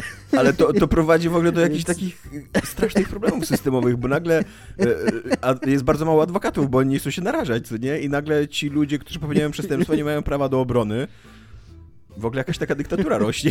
Ale, się, ale według tego, tak żeby to miało sens taki prawny, to jeżeli obronisz tego ziomeczka, to oskarżyciel powinien mieć ten wyrok. tak, to prawda, to prawda. Ale no, tak, y, y, adwokat w świecie z Ace Attorney to jest moja odpowiedź. Przesłuchiwanie papugi, dobry shit, tak. współpraca z medium. Tam się, tam, się dobre, tam się dobre rzeczy dzieją w tych grach, tak. A jeszcze przy okazji y, przyszło mi to do głowy właśnie dlatego, że gram w Danganronpę cały czas, tak on and off. Dzisiaj mam zamiar skończyć to far i spędzić niedzielę z Danganronpą. I jestem dosyć, bardzo, jestem dosyć zaskoczony, jak bardzo Danganronpa to jest Ace Attorney. Yy, tak, jeżeli chodzi o konstrukcję tej gry, czyli są śledztwa i są później te procesy, w których też no, procesy są oparte na minigierkach w Danganronpie. Są oparte na minigierkach, mniej. W Feniksie nie. Tak, tak, tak. Są oparte na minigierkach i jest dużo mniej tego kombinowania, trochę mniej niż bym chciał, trochę żałuję, że wziąłem... No one się potem robią trudniejsze. W sensie one się no robią bardziej skomplikowane. Niestety, niestety gram na tym średnim poziomie trudności, to był błąd. Jakbym sobie wziął Logic na najwyższy poziom trudności, to chyba mm. byłoby trudniej, bo przynajmniej musiałbym wybierać te, te truth bullets, te argumenty, a najczęściej albo mam wybrany z góry, albo one są tak oczywiste, że tam żadnej mentalnej pracy nie wykonuję, a tak naprawdę te minigierki bardziej są na zależnościowe. Nie? Znaczy ona ma też taki problem, że y, jakby ona jest napisana bardzo liniowo, y, przez co ty jako gracz już wiesz, co się stało, ale to, w jaki sposób tak. ty możesz do tego dojść, jest po prostu czasami tak convoluted. Czasami, czasami jest tak, czasami musisz dokładnie. To jest takie bardzo wchodzenie w głowę designerowi i tam czasami jest nawet tak w tych przesłuchaniach, że to zostało już powiedziane przez te postacie i ty mhm. musisz to powiedzieć jeszcze raz.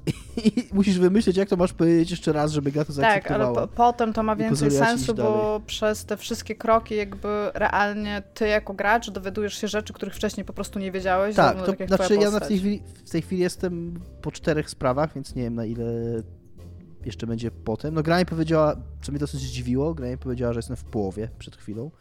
Yy, tak przed chwilą jak grałem więc jest dłuższa niż myślałem, albo ja po prostu mm. znów One są dosyć długie, ja ci mówiłam, że to jest 20 mam godzin. Jakieś, no ja mam w tej chwili jakieś 14 godzin, czyli pewnie z 30 mm. będę grał jak skończę. No dobra, kończymy dygresję o Danganronpie, e, a to e, ten prawnik, attorney, ace, koniec, don. Dobra. Ty byś nawet pasował, byś mógł mieć tą fryzurę, jak ten, jak Phoenix. E, ja bym chciał być takim doradcą. w popkulturze jest bardzo popularna jakby taka taka rola... taka prawa ręka? Tak, taka prawa ręka jakiegoś władcy, co nie? Zawsze, zawsze jest jakiś taki ktoś, kto mu y, szepcze do łóżka, co nie? Taki, że, że zwłaszcza jeżeli jest jakiś zły władca, to on zazwyczaj, y, jeżeli to jest klasyczne fantazy, to zazwyczaj mamy tą taką fantazję jednak o tym, że król jest dobry i słuszny. Jeżeli jest skorumpowany przez jakieś zło, czy, czy coś takiego, to, to zazwyczaj właśnie jest tak jakiś doradca, który tam szepcze i go, i go przyciąga na tą złą słowę. To, to w, Władcy Pierścienia to był smoczy język, nie Grima złoty e, język, smoczy język, ale e, też jakby są takie pozytywne przykłady takich doradców, czyli na przykład Tyrion Lannister z Gry o Tron. Taki, to są tacy ludzie, którym się płaci za to, że są blisko, jakby wiedzą rzeczy i, i doradzają. E, no, Iga. A rozszerzyłbyś to na przykład na czasy bardziej współczesne, na przykład w mafii byś doradzał też Tak, tak, tak. mafii? To się nazywa Okej. konselier chyba w, w, mafii. Taki właśnie taki doradca, który em, ogarnia jakby organizację, nie? Który, Tak, i który... ty, ty wiesz też rzeczy, Tak, bo tak. jesteś w kontakcie z innymi konselierami Tak. innych mafii i tam jest neutralny jakby grunt, gdzie możecie rozmawiać o niektórych informacjach i potem ty masz więcej informacji, więc możesz doradzać. Okej, Tak, tak, Szanuję więc, więc do, dokładnie jakby takim człowiekiem chciałbym być. Takim, takim człowiekiem, który ma wpływ, nie ma odpowiedzialności i jakby całe jego e, zadanie polega na szeptaniu do łóżka i, i tak jakby posiadaniu pewnej wiedzy tajemnej. Tak, ale też możesz mieć sinister motywy i na przykład chcieć zabić tego ten, Tak. żeby wejść na jego, na jego miejsce, bo... Tak. Albo na przykład marionetkę tam wsadzić i pociągać za sznurki, nie? Tak. Masz dużo, dużo opcji politycznych masz w takim miejscu, no. Okej. Właśnie e, i, i zawsze mnie fascynowało to, że oni jakby realnie posiadają władzę, znaczy realnie może nie, ale tak jakby mają gigantyczny wpływ na tą władzę. E, Ale też nie, nie mają żadnej odpowiedzialności, bo są tylko doradcami, nie? Tylko tam e, szepczą do łóżka i, i to jest coś, A nie co... myślisz, że jeżeli ten, ten władca jest jakiś tam zły, powiedzmy, i jeżeli by mu taki ziomeczek podpadł na przykład 10 razy, to on by go nie zabił? Znaczy, właśnie nie ma, e, nie wydaje mi się, żeby był taki, e, jak to się Precedens. nazywa? Tak, właśnie taki precedens w fikcji. E, tutaj, tutaj najlepszym przykładem jest dla mnie Tyrion Lannister, właśnie, który w ostatnim, e, jakby ostatni sezon Gry o Tron jest znany z tego, że wszyscy zachowują się bardzo głupio. I Tyrion Lannister, który jest tam podawany jako taki przykład najinteligentniejszego człowieka na ziemi w zasadzie, taki właśnie, który wszystkim doradza i tak jest idealny w te takie szachy polityczne i tak dalej, jakby w ostatnim sezonie każda jego rada okazuje się zła. A mimo to przeżywa i na końcu jakby jest super takim zwycięzcą, bohaterem i tak dalej, więc y, nie wydaje mi się, żeby był precedens jakby zabijania takich ludzi. Jeżeli już, to jakby śmierć na nich przychodzi z zewnątrz, nie?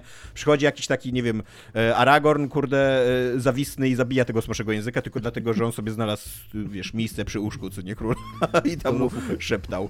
E, więc, y, no, więc jakby władcy Ciekawe, raczej jak się... wyglądają te e, ogłoszenia o pracy do takich ludzi, nie? Powiesz na pracuj.pl, doradztwo. Król taki i taki poszukuje. Tak, wymagania. załóżnika, co, załóżnika zatrudnię. Co najmniej 5 lat i 3 skończone y, kampanie. Dwa skutecznie przeprowadzone spiski. Nie, mile widziane. Dwa, dwa, dwa skutecznie zakończone. Skrytobójstwa. Tak, Gdzie pan siebie widzi za 5 lat na pana miejscu? Nie, Zatrudniony. nie chciałem tego powiedzieć. W Crusader Kings też, też masz jakby swój, ten, swoje cameo, nie? Że, tam, że masz tych doradców, którzy ci mówią, co by chcieli, co by nie chcieli. Dobry wybór. Tomek, co jest grane u ciebie? E, dziękuję, że mnie zapytałeś o to. U mnie jest grana e, animka, którą bardzo bym chciał polecić. E, nazywa się ona i to będzie dosyć dziwny tytuł, więc e, nie wiem do końca jak go przeczytać, ale w każdym razie to się, to się pisze tak. Den, myślnik Noch, Coil. Den, Noch, Coil. I ten Den, Noch to jest taki świat, y, rzeczywistość ostrzeżona jakby. Tam wszyscy bohaterowie prawie chodzą okularach takich w stylu Google, Google'a e, i, i widzą jakby rzeczywistość rozszerzoną dookoła i, e, i to, jest, to jest animka, która się e, jakby zajmuje tą właśnie rzeczywistością rozszerzoną. Ja na nią trafiłem, ona jest na Netflixie, więc zacznę trochę tak dookoła, jak, jak, się jak do niej trafić. Ona jest na Netflixie, a wpadła na tego Netflixa dlatego, że teraz wpadł nowy e, nowy, nowy projekt człowieka, który to zrobił, Mitsuo Iso. E, I ten jego nowy projekt to się nazywa Orbital Children. The Orbital Children. To jest e, sześcioodcinkowa taka animka o dzieciach, które żyją e, na stacji orbitalnej, w taki, na takim hotelu jakby, w takim hotelu turystycznym zrobionym w stacji orbitalnej E, i tam do tych dzieci dołącza taka grupa trzech kolejnych dzieci, które mają zwiedzić jakby ten hotel i e, i ta dwójka dzieci, które tam żyje na tej stacji orbitalnej, to są w ogóle dzieci urodzone poza, poza Ziemią, co nie? Jakby na Księżycu. E, I w, ciągu tych sześciu odcinków dochodzi do ataku terrorystycznego na tą, na tą stację orbitalną i ona się wyłącza powoli i on, te dzieciaki muszą przeżyć po prostu, jakby wydostać się z tej stacji. E, to jest w zasadzie jeden film, tylko podzielony na, tak dramaturgicznie, to, to, to nie jest serial moim zdaniem, tylko po prostu to jest film podzielony na odcinki. Trwa z 2,5-3 godziny, można to obejrzeć, jeżeli chcecie, jest interesujące, ale takie powiedziałbym 7 na 10, nie? Ale jakby było na tyle interesujące, że tam jak mi zaproponował później Netflix właśnie, żeby, że wrzucili też tego człowieka mm, takie dzieło życia chyba, czyli to Dennoch Coil, no tam stwierdziłem, że okej, okay, że obejrzę to. I jest to naprawdę bardzo ciekawy serial, który opowiada o takiej bandzie 12-13-latków, właśnie, które są uzależnione już od tego, od tej rzeczywistości rozszerzonej. Te, te rzeczywiste, te, te okulary jakby Dennoch to są trochę tak jak nasze smartfony dzisiaj, co nie? Tak jakby są absolutnie przezroczyste, powszechne, wszyscy to noszą, używają, jakby ta rzeczywistość rozszerzona istnieje, są takie zwierzaki w rzeczywistości rozszerzonej, takie zamiast mieć takiego fizycznego psa, to masz po prostu takiego psa, którego widzisz tylko i wyłącznie jak masz okulary za, założone, jakieś reklamy, komunikaty, komunikatory między sobą nawzajem, co nie, że tam się wymieniasz wiadomościami i tak dalej. No i te dzieciaki są są absolutnie jakby uzależnione od tego i mm, jakby są zatrudnione przez taką starą hakerkę e, do szukania tak, tak, jest taka, jest taka stara babcia, która ma z 50 lat, z 80 lat i jest taką, jest taką hakerką jakby, co nie? Ten... Może jest tą chińską hakerką z tak. Command Control Generals. Jest babcią w ogóle głównej bohaterki, co nie? Y, I oni, y, one, oni są zatrudnieni po to, żeby znajdywać y, takie pluskwy, które są nie do końca wiadomo czym. Jest, są jakimś takim odpadem po glitchach w, tym, w, tym, w, tej rzeczywistości rozszerzonej i i najprawdopodobniej są produkowane przez takie wirusy, które są, które przypominają stworzenia, co nie? I, i, I z tymi wirusami walczy, e, w ogóle jest cały taki jakby urząd, który się zajmuje tą rzeczywistością rozszerzoną i e, latają takie wirtualne byty po mieście i właśnie walczą z tymi, z tymi wirusami i tak dalej. E, I cały ten serial jest oparty na takim założeniu, że ta rzeczywistość wirtualna jest już tak powszechna i jakby tak dostępna, że po pierwsze istnieją legendy miejskie na, na, na, temat tej rzeczywistości, że tam, że coś można gdzieś tam znaleźć, że słyszało się, że jakiś tam ktoś przeszedł na jakąś drugą stronę, że jakieś stworzenie było inteligentne w tej rzeczywistości rozszerzonej i tak dalej. No i te dzieciaki y, jakby badają po kolei te takie, ta, ta, takie mity. Zawsze każdy odcinek się zaczyna od takiego właśnie dwu, trzyzdaniowego wprowadzenia głównej bohaterki, które tak mówi jakby do, do, do, do widza, że mówi się o czymś tam, że, że, że jest taka legenda, że dzieciaki powtarzają, że coś coś tam, co nie? I później ten odcinek się jakby zajmuje tą, tą, tą legendą miejską. No i oczywiście jakby z czasem okazuje się, że ta rzeczywistość rozszerzona ma jakieś drugie dno, że jest jakby nie tylko rzeczywistością nałożoną na naszą rzeczywistość, tak graficznie, ale też jest w jakiś sposób autonomiczną rzeczywistością. Taką, że jakby, że można, że ona ma swoje konsekwencje wobec prawdziwych ludzi, że w jakiś sposób wpływa na nich, jakoś ewoluuje, że tam istnieją jakieś istoty, które być może mają jakąś swoją własną agentę, są jakoś tam inteligentne i tak dalej. Jest to dosyć ciekawe, jakby ta cała, cały ten technologiczny aspekt tego, e, zważywszy na to, że to jest serial w ogóle z początku lat 2000, e, z 2000, znaczy no, nie takiego początku, ale 2007 roku, to, to jest to dosyć wizjonerskie, jakby dzisiaj dopiero Facebook y, jakby ma tą taką wizję właśnie metaverso i, i to wydaje się, że to jest właśnie coś takiego, co, co, jest przedstawione w tym serialu. Cała ta technologiczna, e, ona jest, ta, ta, technologiczna taka warstwa, ona jest dosyć bełkotliwie opisana czasami, więc ja nie do końca rozumiem, jak tam działają niektóre rzeczy, ale tak na poziomie fabuły i emo to totalnie jest taka animka o e, japońskich dzieciakach, które są po prostu ciekawskie i tam konkurują ze sobą, mają jakieś takie misje, formują się przyjaźnie między nimi, jest oczywiście taka tajemnicza hakerka, którą tam na początku wszyscy z nią walczą, później się się okazuje, że ona jest jednak wrażliwą i delikatną dziewczyną i tam zaczynają jej pomagać i tak dalej. Jest bardzo fajna, e, jest bardzo fajna emo takie zakończenie, które z jednej strony jest super, a z drugiej strony trochę nie jest super, bo yy, z ostatnich odcinków kilka, kilka bardzo ważnych postaci znika i tak jakby zostają odsunięte na dalszy plan, nie? I to jest takie słabe sobie, jakby tak nie po to się lubiłem przez 20 odcinków z tymi postaciami, żeby one zniknęły na sam koniec, tylko mm. dlatego, że, że scenariusz tego wymaga, jakby, że, że to jest bardziej intymne i prywatne emo dwóch e, bohaterek, co nie? ale, ale ogólnie ogląda się to bardzo fajnie i e, on w taki dosyć e, nienamolny, nie, niebełkotliwy i, i niepretensjonalny sposób porusza takie fajne zagadnienia cyberpunkowo, science fictionowe w stylu czy sztuczne stworzenie, jakby do którego się przywiązujesz emocjonalnie, czy, czy jego śmierć jest prawdziwa, czy nie jest prawdziwa, jakby jak to ocenić, e, albo właśnie czy w takim wielkim projekcie cyfrowo-internetowym istnieje możliwość jakiegoś takiego glicza tworzącego świadome życie, czy jakieś świadome istnienie i tak dalej.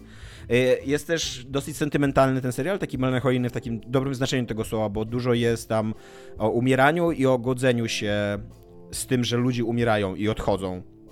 No i jak możecie sobie wyobrazić, jakby ten świat y, wirtualny daje możliwości nie, jakby y, nie o, o, odrzucenia, emocjonalnego odrzucenia tego, że ktoś odchodzi, no bo on cały czas może być przy tobie, tylko po prostu w wirtualnej, wirtualnej formie, więc jakby takie, e, jest cały taki dysputa na temat tego, że, no, że trzeba się godzić z tym, że ludzie odchodzą, że bliscy odchodzą, że zwierzątka e, wirtualne odchodzą i tak dalej.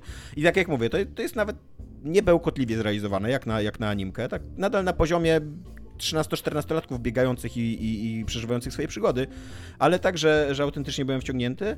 E, I ogólnie jest to bardzo fajna animka, którą bardzo polecam. E, to jest, e, jak się o tym czyta, to, to trochę się wydaje, że to jest jakiś taki zapomniany klejnot z właśnie z dawnych lat. On jest po, po, czasem jest porównywany do tego, tego serialu, o którym ja mówiłem, serial Experiments Lane. Tylko, że serial Experiments Lane po pierwsze był eksperymentalny na poziomie takim artystycznym i był bardzo poważny, jeżeli chodzi o filozoficzne i emocjonalne rzeczy, które chciał powiedzieć.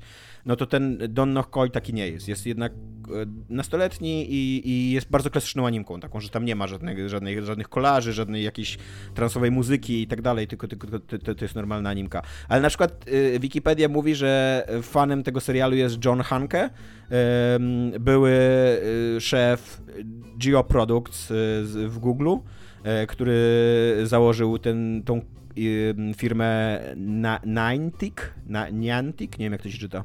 Niantic. E, Niantic, no właśnie, która się zajmuje rozszerzoną rzeczywistością i on podobno jest jakby wielkim fanem tego serialu i uważa, że go w jakiś sposób e, zainspirowały do tych jego poszukiwań i badań.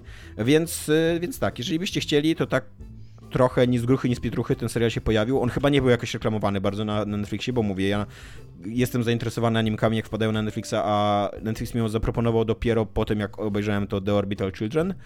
E, więc jakbyście chcieli obejrzeć, to radzę najpierw zacząć od Den Coil, które jest dobre, a później ewentualnie obejrzeć The Orbital Children, które jest takie okej, okay, ale tam nic więcej. nie? Chociaż jest przepiękne animacyjnie. Jakby jeżeli chodzi o stronę techniczną, to, to The Orbital Children jest cudowne, bo naprawdę bardzo ładnie zrobione, tylko taka trochę wydmuszka, co nie? Tutaj z kolei to The Orbital Children zajmuje się zagadnieniem sztucznej inteligencji, co nie? Ale na takim mało inspirującym filozoficznie poziomie. Jakby tym, jeżeli oglądaliście jakikolwiek film science fiction albo czytaliście jakąkolwiek książkę science fiction o sztucznej inteligencji i stawiający jakiś taki dylemat moralny przy sztucznej inteligencji, to wiecie, jaki dylemat serialu będzie postawiony i, i jaka będzie odpowiedź na ten dylemat. E, więc, więc tak. Ale Den noch Coil e, bardzo polecam, bardzo fajna animka. Mówię, bywa zabawna, ma fajne ma fajne postaci, e, bywa mądra, taka autentycznie, że podejmuje jakieś poważne tematy i, i daje na nie w miarę sensowne odpowiedzi, jakby proponuje. E, I no i, i, i, to, i to chciałem powiedzieć. To jest grane u mnie. Polecam. Dziękuję. E, gdybyś, do, e, powiem tak, że gdybyś, gdybyś Dominiku oglądał, e, gdybyś oglądał anime, a wiem, że nie oglądasz anime, to to by było trochę w twoim stylu, tak mi się wydaje, bo on... No, powiem ci tak. No. Nie, powiem ci, nie no, skończ, skończ. No bo to jest, to jest serial, który się bierze za bary z jakimś takim problemem technologicznym, tak filozoficznie i, i, um, i fabularnie i jakby robi to serio, co nie? Dziś rano, nie no, to było w miarę rano, bo było przed dziesiątą. Jak wstałem, to wziąłem swój telefon i tam jest taka sekcja notatki. I tam mam sobie różne rzeczy ponotowane i coś tam chciałem chyba dopisać sobie, co, co mi się przypomniało. I zobaczyłem taką notatkę zrobioną 6 lutego, która brzmiała właśnie Den noch Coil i żadnego komentarza nic. I to brzmiało strasznie tak, nie wiem, tajemniczo. Nie miałem pojęcia, co to jest w ogóle, bo to po prostu bez, bez komentarza mam napisane Den noch Coil. Więc wpisałem w Google i zobaczyłem już to animka, więc pomyślałem sobie, że to coś, co ty mi polecałeś i sobie zapisałem tytuł, żeby pamiętać i tyle z tego pamiętania wyszło. Ale myślę, że teraz po tym, co powiedziałeś, to będę kojarzył i być może nawet obadam. Nie ma, nie ma w niej takiego głupiego na przykład fanserwisu animkowego, co nie? Jakby nie, pomimo, że to są, że główne bohaterki to są 13-letnie dziewczęta, to nie pokazują majtek, y, nie ma jakichś takich y, głupawych dowcipów z podtekstem i tak dalej, co, co jest bardzo na plus. To nie są, czerwienią się cały czas? E, nie, nie. Jak są, jak, jak są jakieś takie e, wątki romansowe, to są autentycznie takie dziecięce podchody, że tutaj chyba się zauroczyłam, że jakoś powinna mu to wyznać i tak dalej. Jeżeli się czerwienią, to w takich sytuacjach, w których ludzie się czerwienią, jakby, co nie? E, więc, pijaku. Tak, więc, e, więc to jest... E, A to walą, walą wódę tam te 13-latki? Właśnie, Tomek, nie. odpowiadaj na pytania, które są ważne. Nie, nie walą wody. E, ale tak, ale jeżeli chodzi o, o to, że anime ma trochę problemów z poczuciem humoru y, często, to tutaj, tutaj absolutnie nie ma tego problemu. Jest, jest y, z gustem y, zrobiony ten serial. I ma bardzo fajne właśnie bohaterki takie mm, kobiece. Właśnie w ogóle czytałem tą, słuchałem tej książki o, o kobietach w Japonii, gdzie trochę była o której mówiłem tydzień temu i o, gdzie ta, trochę była krytykowana japońska kultura za to, że mm, propaguje taki mm, ideał głupiej, seksownej lolitki i i właśnie oglądałem ten serial i tak sobie myślałem, kurde, przecież w anime jest mnóstwo postaci kobiecych, które są właśnie takie energiczne, z własną agendą, z jakby inicjatywą i tak dalej, jakby, że zwłaszcza te takie właśnie nastoletnie dziewczęta, kobiety są przedstawiane tak bardzo feministycznie. Nawet jeżeli, nawet jeżeli jest fanserwis w takich produkcjach, jak na przykład, nie wiem, w Czarodziejach Księżyca się zdarzają właśnie jakieś tam majteczki i tak dalej, to nadal te, to są dziewczyny, które robią co chcą, które mają tam yy, yy, bardzo silne przekonania, które ratują świat i tak dalej i, i no w japońskiej popkulturze jest pełno takich postaci. To nie jest tak, że, że to jest jakaś seksistowska popkultura tak w przeważającej mierze. Jakby absolutnie się z tym nie zgadzam. No ale tak, już miałem kończyć, a jeszcze nie skończyłem, więc już kończę. E, więc e, jako, że się That's nagadałem... Słucham? That's what he said. Den noch Coil się nazywa. Jak, jak Dominik powiedział. Wracamy do tematu, jakim dopiszę jest. Sobie, dopiszę sobie tutaj notatki animka od Tomka, na wszelki wypadek. T tak, żeby nigdy, na, nigdy już no to, nie, nie, nie, trafić i nie zawiesić oka, co nie? Jakie są obecnie wasze największe zawodowe ambicje? E, Dominik, może ty zacznij. Nie chcę, żeby to się źle zabrzmiało. Ale no. Wywalić nas z y, podcastu. Nie. Yy, zacząć robić dobry podcast w końcu. Yy, bardzo źle znoszę COVID, yy, jeżeli chodzi o pracę. I mam akurat z jednej strony to szczęście, że mój pracodawca dosyć poważnie podchodzi do, tej, do tego problemu i raczej wysyła nas na pracę zdalną.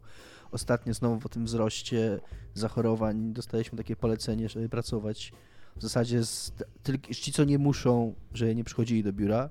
Ja nie jestem człowiekiem, który musi i raczej też traktuję to jeszcze poważnie, staram się, bo też jestem w grupie ryzyka, yy, więc, więc nie chodzę do pracy i niestety bardzo źle to wpływa na mój, mój komfort taki psychiczny. Więc coś takiego jak ambicje zawodowe nie jest czymś niestety, co w ogóle mm, jakoś tam się pojawia w moim spektrum takim myślowym. Raczej moją ambicją jest przeżyć E, przetrwać, e, e, jakby jakoś znaleźć w sobie siłę, żeby, żeby mm, trwać. Mam nadzieję, że nawet jeżeli ta pandemia nie zbliża się do końca, to mam nadzieję, że kiedyś się w końcu skończy. Tradycyjnie na wiosnę, lato to były, były spadki, było, było spokojniej, więc też myślę, że zbliżamy się do takiego okresu, że będę mógł znowu chodzić do biura. Już można mówić o tradycji, to jest, to jest już dwa lata. E, tak, e, więc wtedy być może będzie trochę lepiej, ale no niestety nie mam odpowiedzi na to pytanie. Nie chcę, żeby ona brzmiała, że nie mam ambicji, bo to nigdy nie brzmi dobrze. Natomiast niestety te ostatnie lata nie skłaniają mnie do mm, absolutnie do jakiegoś optymizmu, jeżeli chodzi o, o, o pracę, czy w ogóle o życie. E, bo, bo też jeżeli chodzi o kontakty takie prywatne, to w zasadzie pomijając jakieś tam rzadkie spotkania czy z wami, czy tam z Owsianym, e, a przez wami mam na myśli Tomka, czy jak Adam Piechota do mnie, do mnie przyjedzie tam raz na parę miesięcy, z Patrykiem. to tak, to, to też jest, jest ciężko, więc y, nie, nie chcę też, żeby to brzmiało, brzmiało tak, że się użala nad sobą i że, i że tam wchodzę na jakieś takie emo, ale no ambicja to jest coś, co mm, mi się, mi, ja przynajmniej, może nie mam jakiejś takiej, nie wiem, e, dyscypliny, ale, ale ja nie jestem w stanie jakby myśleć w ten sposób, jeżeli jest tak źle u mnie ogólnie psychicznie. Y, jakby jakoś tak mi się wszystko koncentruje po prostu na, to, że, na tym, żeby jakoś przetrwać i nie, nie wiem, nie, jakoś nie oszaleć po prostu. Y, więc, więc no niestety nie mam żadnej dobrej odpowiedzi młodej na to pytanie, oprócz tego, że kurna mogę teraz jak Iga powiedzieć, że jem śmieci i tam robię śmieci, jestem śmieciem w ogóle generalnie i, ja chciałam powiedzieć, że akurat śmieci nie jem, ale tak, reszta się zgadza. I, i jakby wszystko, wszystko marność. Wszystko jest najgorsze, a potem umierasz. Jakby... tak. To, bardzo do mnie trafiło to, jak Iga mówiła, że chce być królikiem doświadczalnym, bo... E, bo, bo ci płacą, a potem możesz przyjść i umrzeć jakby. Bo jest szansa na to zawsze, że, że twój dzień będzie ostatnim twoim dniem pracy, e, więc i w ogóle istnienia na tym paskudnym łespadole, więc tyle ode mnie.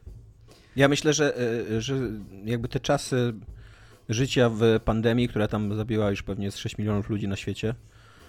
To dużo. Co? To dużo. Tak, to dużo. E, że jakby przynajmniej dają nam taką dyspensę na użalanie się nad sobą. Tak? Wydaje mi się, że to, to użalanie się nad sobą nie jest, nie jest źle odbierane w, w pandemii. Ale tak. ja też nie wiem, czy właśnie zwróciliście uwagę, że. Znaczy, ja wiem, że nasze społeczeństwo się zrobiło takie bardziej e, patrzące w głąb i mówiące na ten temat przez kontrast z poprzednimi pokoleniami.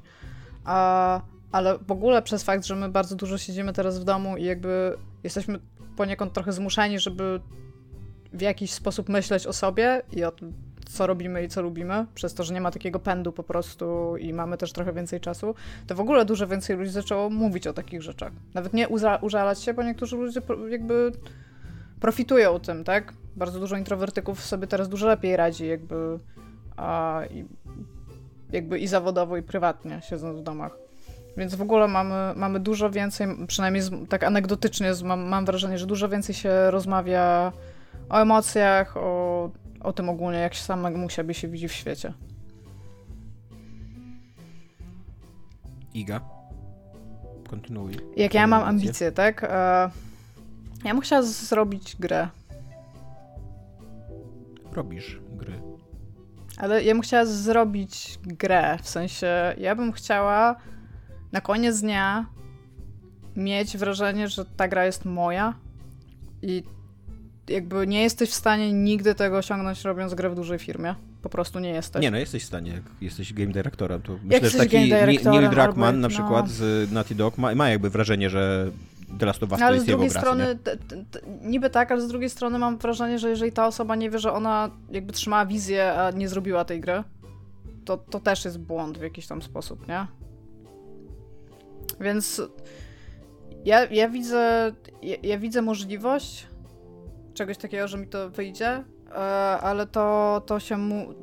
To, na to potrzeba po pierwsze czasu i muszę się trochę podszkolić i jakby e, tak de facto teraz siedzę i uczę się bardzo, bardzo dużo tych Ale czy ty byś chciała, mam tutaj takie pytanie do ciebie, czy ty byś chciała zrobić grę w na tyle małym zespole, żebyś czuła się sprawcza i jakby żeby twoja praca była nie do zastąpienia. To nie, Czy chciałabyś zrobić sama jedna grę, tak jak Lucas Pope, nie? Że wiesz, że to jest wszystko od początku znaczy, do końca. Ja sama jedna, to ja teraz siedzę i robię gry, tak mhm. dosłownie. Siedzę nie, ale sama jedna zrobić grę od Sama jedna robię grę od początku Aha. do końca, teraz w Unrealu. Można je przechodzić, normalnie są grywalne, jakby mam buildy, można, można w nie grać i one istnieją, tak? To nie jest jakiś taki problem.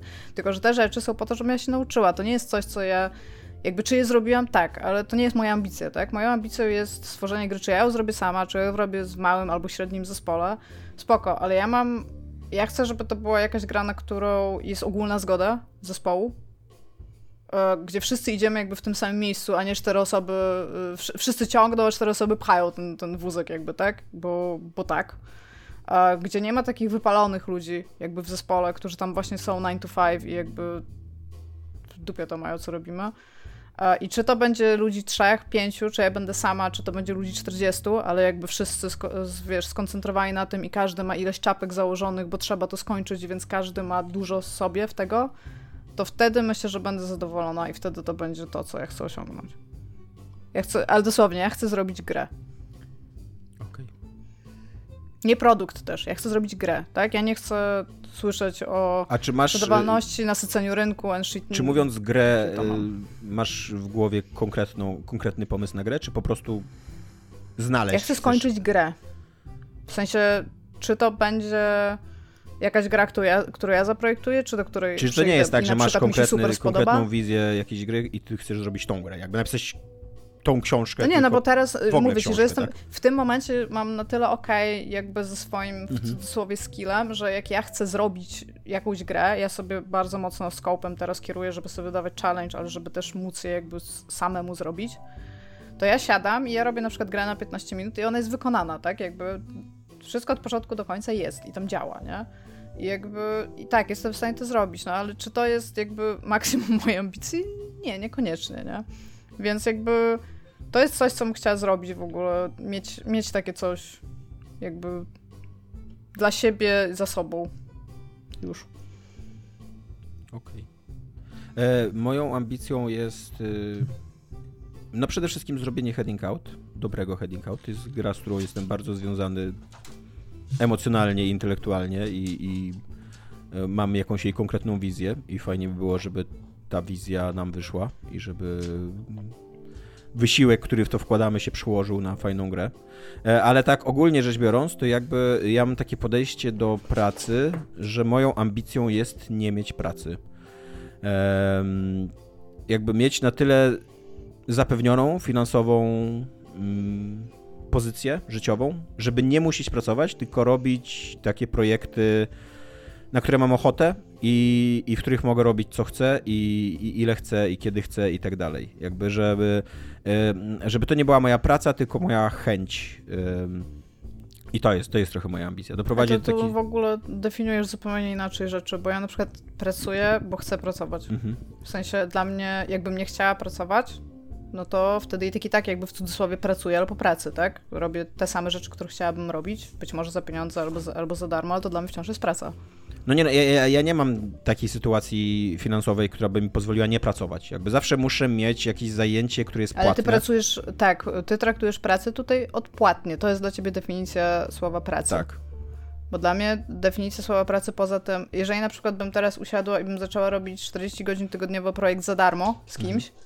to to też by dla mnie była praca. No nie, dla mnie nie. Jakby jeżeli bym tak, chciał, też. jeżeli bym chciał i miał przekonanie do tego i i jakby pasję i tak dalej i robiłbym to za darmo w swoim jakby takim niepracowym, nie, niesłużbowym czasie, to absolutnie bym tego nie traktował jak pracę. Mam teraz... Ja tak... Ja... No, Czyli zapytany na przykład na imprezie, a co ty robisz tak e, zawodowo, byś powiedział nic. Nie powiedziałbyś na przykład, robię grę przez tak. 40 godzin tygodniowo. Tak. Okay. Znaczy, Bym powiedział, że żyję z procentów, co nie? A mam takie hobby, znaczy, że robię co robisz, co robisz zawodowo, to już jest trochę inne pytanie, ale jaką masz pracę, mieć pracę, to dla mnie również oznacza mieć szefa, mieć kogoś, kto mi mówi, co mam robić, albo kogoś przy, A jak ty jesteś szefem, odpowiadam. to też jest twoja praca. No to przed kimś odpowiadam. Stąd to powiedziałem to przed kimś. Nawet jak jestem mhm. szefem, to odpowiadam przed, przed udziałowcami, przed... Yy, A jak masz prywatną firmę? Kimś. No dobra, no, to jest bardzo hipotetyczna, y, być może wyjątek od tego, co powiedziałem, bardzo hipotetyczny. Natomiast y, w, w większości przypadków y, definiuję pracę jako coś, gdzie chodzę, żeby mieć na chlebek y, i żeby nie umrzeć z głodu. Mm, gdyby był w takiej, w takiej, miał taką komfortową sytuację, że mm, żebym nie musiał y, gdzieś chodzić, żeby mieć na chlebek, to bym robił różne rzeczy zapewne, nie siedział, nie leżałbym na łóżku non-stop, ale nie nazwałbym tego pracą, niezależnie od tego, co by to było. Tak, ja, ja mam teraz na przykład taki komfort, że robię w pracy to, co chciałbym robić również w wolnym czasie. Jakby wydaje mi się, że właśnie Heading Out byłoby dla mnie takim projektem, który i tak bym robił, gdybym miał pieniądze i nie musiał pracować. Ale jednak yy, ja jestem wielkim przeciwnikiem i wielkim, jakby wielkim problemem w moim życiu jest taka egzystencjalna groźba utraty źródła dochodu. Bardzo się tego lękam, bardzo się tego boję, że stracę pracę i, i mam jakąś taką apokaliptyczną wizję, że wtedy już w ogóle nie znajdę żadnej innej, że popadnę w jakąś ruinę, że wszystko stracę w życiu i będę, ludzie odkryją nagle, że będę bezwartościowym takim, że, że jestem, że od zawsze byłem bezwartościową kupą śmieci, co nie? E, I, i jest, to, jest to jakby taki lęk, który mnie nawiedza, który jest obecny w moim życiu i chciałbym mieć kilka grubych baniek na koncie, który by ten lęk zdjął jakby z mojej głowy, nie? I żeby, żeby pozwolił mi właśnie robić być może nawet te same rzeczy, które robię dzisiaj w pracy, bo tak jak mówię, wydaje mi się, że pewnie by robił Heading bo to jest super projekt, który mi się bardzo podoba, ale robić go bez tego napięcia, że że od tego zależy moje przetrwanie, moje życie, mój chleb, y, moje mieszkanie, moje małżeństwo, szczęście, ocena, samoocena y, i, i, i tak dalej, i tak dalej, co nie? To ja, ja mam to chyba, ja mam w ogóle inaczej, mam to ułożone w głowie. Iga, wiesz przed kim odpowiada y, szef Wszystkich szefów. Przed Bogiem. Ja jestem szefem prywatnej firmy, przed kim odpowiadam? Przed pracownikami swoimi. Przed Bogiem i historią, Iga. Jakby Cały pokój moich pracowników, który widzisz z tyłu, jestem bardzo odpowiedzialna za tych ludzi, no. No nie, no, wiesz o co mi chodzi, no. Że jakby, że jednak właśnie to, co Tomek powiedział, że praca zawodowa ma ten czynnik finansowy i czynnik tego, że tam są gdzieś jakieś pieniądze, które ludzie potrzebują, żeby nie, znaczy, koniec końców przeżyć. Ja sobie zdaję sprawę trochę, że moje myślenie to jest taki fałszywy konstrukt myślowy, co nie? Że to nie jest tak, że jeżeli ja stracę pracę i źródło dochodu, to sobie nie poradzę, bo po pierwsze jakby pochodzę z rodziny, która mi zapewnia jakąś tam y, siatkę bezpieczeństwa taką, co nie? E, po drugie, wydaje mi się, że mam na tyle umiejętności, że znalazłem inną pracę dosyć szybko, a jeżeli nie, to jakby nie brzydzę się pracą. Raczej więc, nie, raczej więc, nie w Reutersie jakby... Słucham? Już raczej nie w Reutersie, no. już. Eee, ale wydaje ale mi się jakby, że... Ten, jestem w stanie, jestem w stanie pracować w, w miejscach, które są bardzo dalekie od moich ambicji i od moich umiejętności, więc, więc wydaje mi się, że ja bym, bym przetrwał, ale jednak, no mówię, dla mnie to, to jest w ogóle jedna z moich takich konstruktywnych cech psychicznych, taki um, wieczny, wieczny lęk o, o, swoją, o swoją egzystencję, o takie samo, znaczy, ja, o, ja o przetrwanie, rozumiem, co nie? powiedziałeś. I są ludzie, którzy tego nie mają, bo potrafią sobie... Daj mi skończyć, tak. bo mówimy naraz. Okay. Bo ty mi e, coś tłumaczysz, ja chcę zrozumieć, że to rozumiem już. Okay. Jakby y, wiem, że są ludzie, którzy tego nie mają, którzy są w stanie sobie jakoś wytłumaczyć tak, że no, że koniec końców sobie poradzą, że ta praca, te, jakby ta, ta następna pensja to nie jest ich być albo nie być, e, ale ja do takich ludzi nie należę. Ja no to chciał... ja się z tobą zupełnie zgadzam tutaj, bo ja mam tak samo. Aczkolwiek też się wciąż zgadzam, traktuję też się wszystkie inne moje rzeczy, które robię ludzi. Codziennie. Ja pracuję 40 godzin tygodniowo jakby tak po prostu, ale potem robię jeszcze inne rzeczy i wszystkie z tych rzeczy, które robię, traktuję w głowie mojej jako pracę, bo to ma po prostu pewną jakąś dyscyplinę, którą zachowuje pewne procesy, które sobie stworzyłam, żeby robić rzeczy krok po kroku, po prostu z każdą inną rzeczą, którą wykonuję. To jak ja sobie teraz dłubię gry po pracy i na przykład sobie spędzam nie wiem ile godzin nawet tygodniowo, mogłam to zliczyć, to ja tego też nie traktuję jako jako hobby albo coś takiego, tylko to wszystko ma wpływ na jakiś tam mój rozwój, który wiąże w tym momencie z moim życiem zawodowym, jakby tak, więc cały czas jakby to jest u mnie w kategorii pracy. Jako hobby to ja sobie wyobrażam fakt, że trenuję, żeby iść w góry wysokie, tak, jakby to jest moje hobby. A, bo jakby to, to jest, to, to w ogóle nie jest związane jakby z niczym to jest tak bardzo oderwane od tego, co ja robię dookoła rzeczy związanych z różnymi pracami, które wykonuję, że to ja w jakiś tam sposób traktuję jako hobby.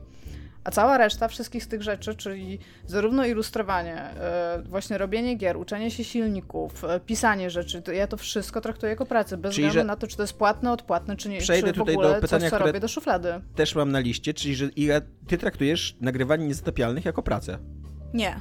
Niezatapialnych nie traktuję. To, to w ogóle się nie zgadza z tym, co powiedziałaś. No, wytłumacz. Odpowiedziałam ci na pytanie. Jakby, no dobra, to wytłumacz Nie, nie traktuję jako pracy.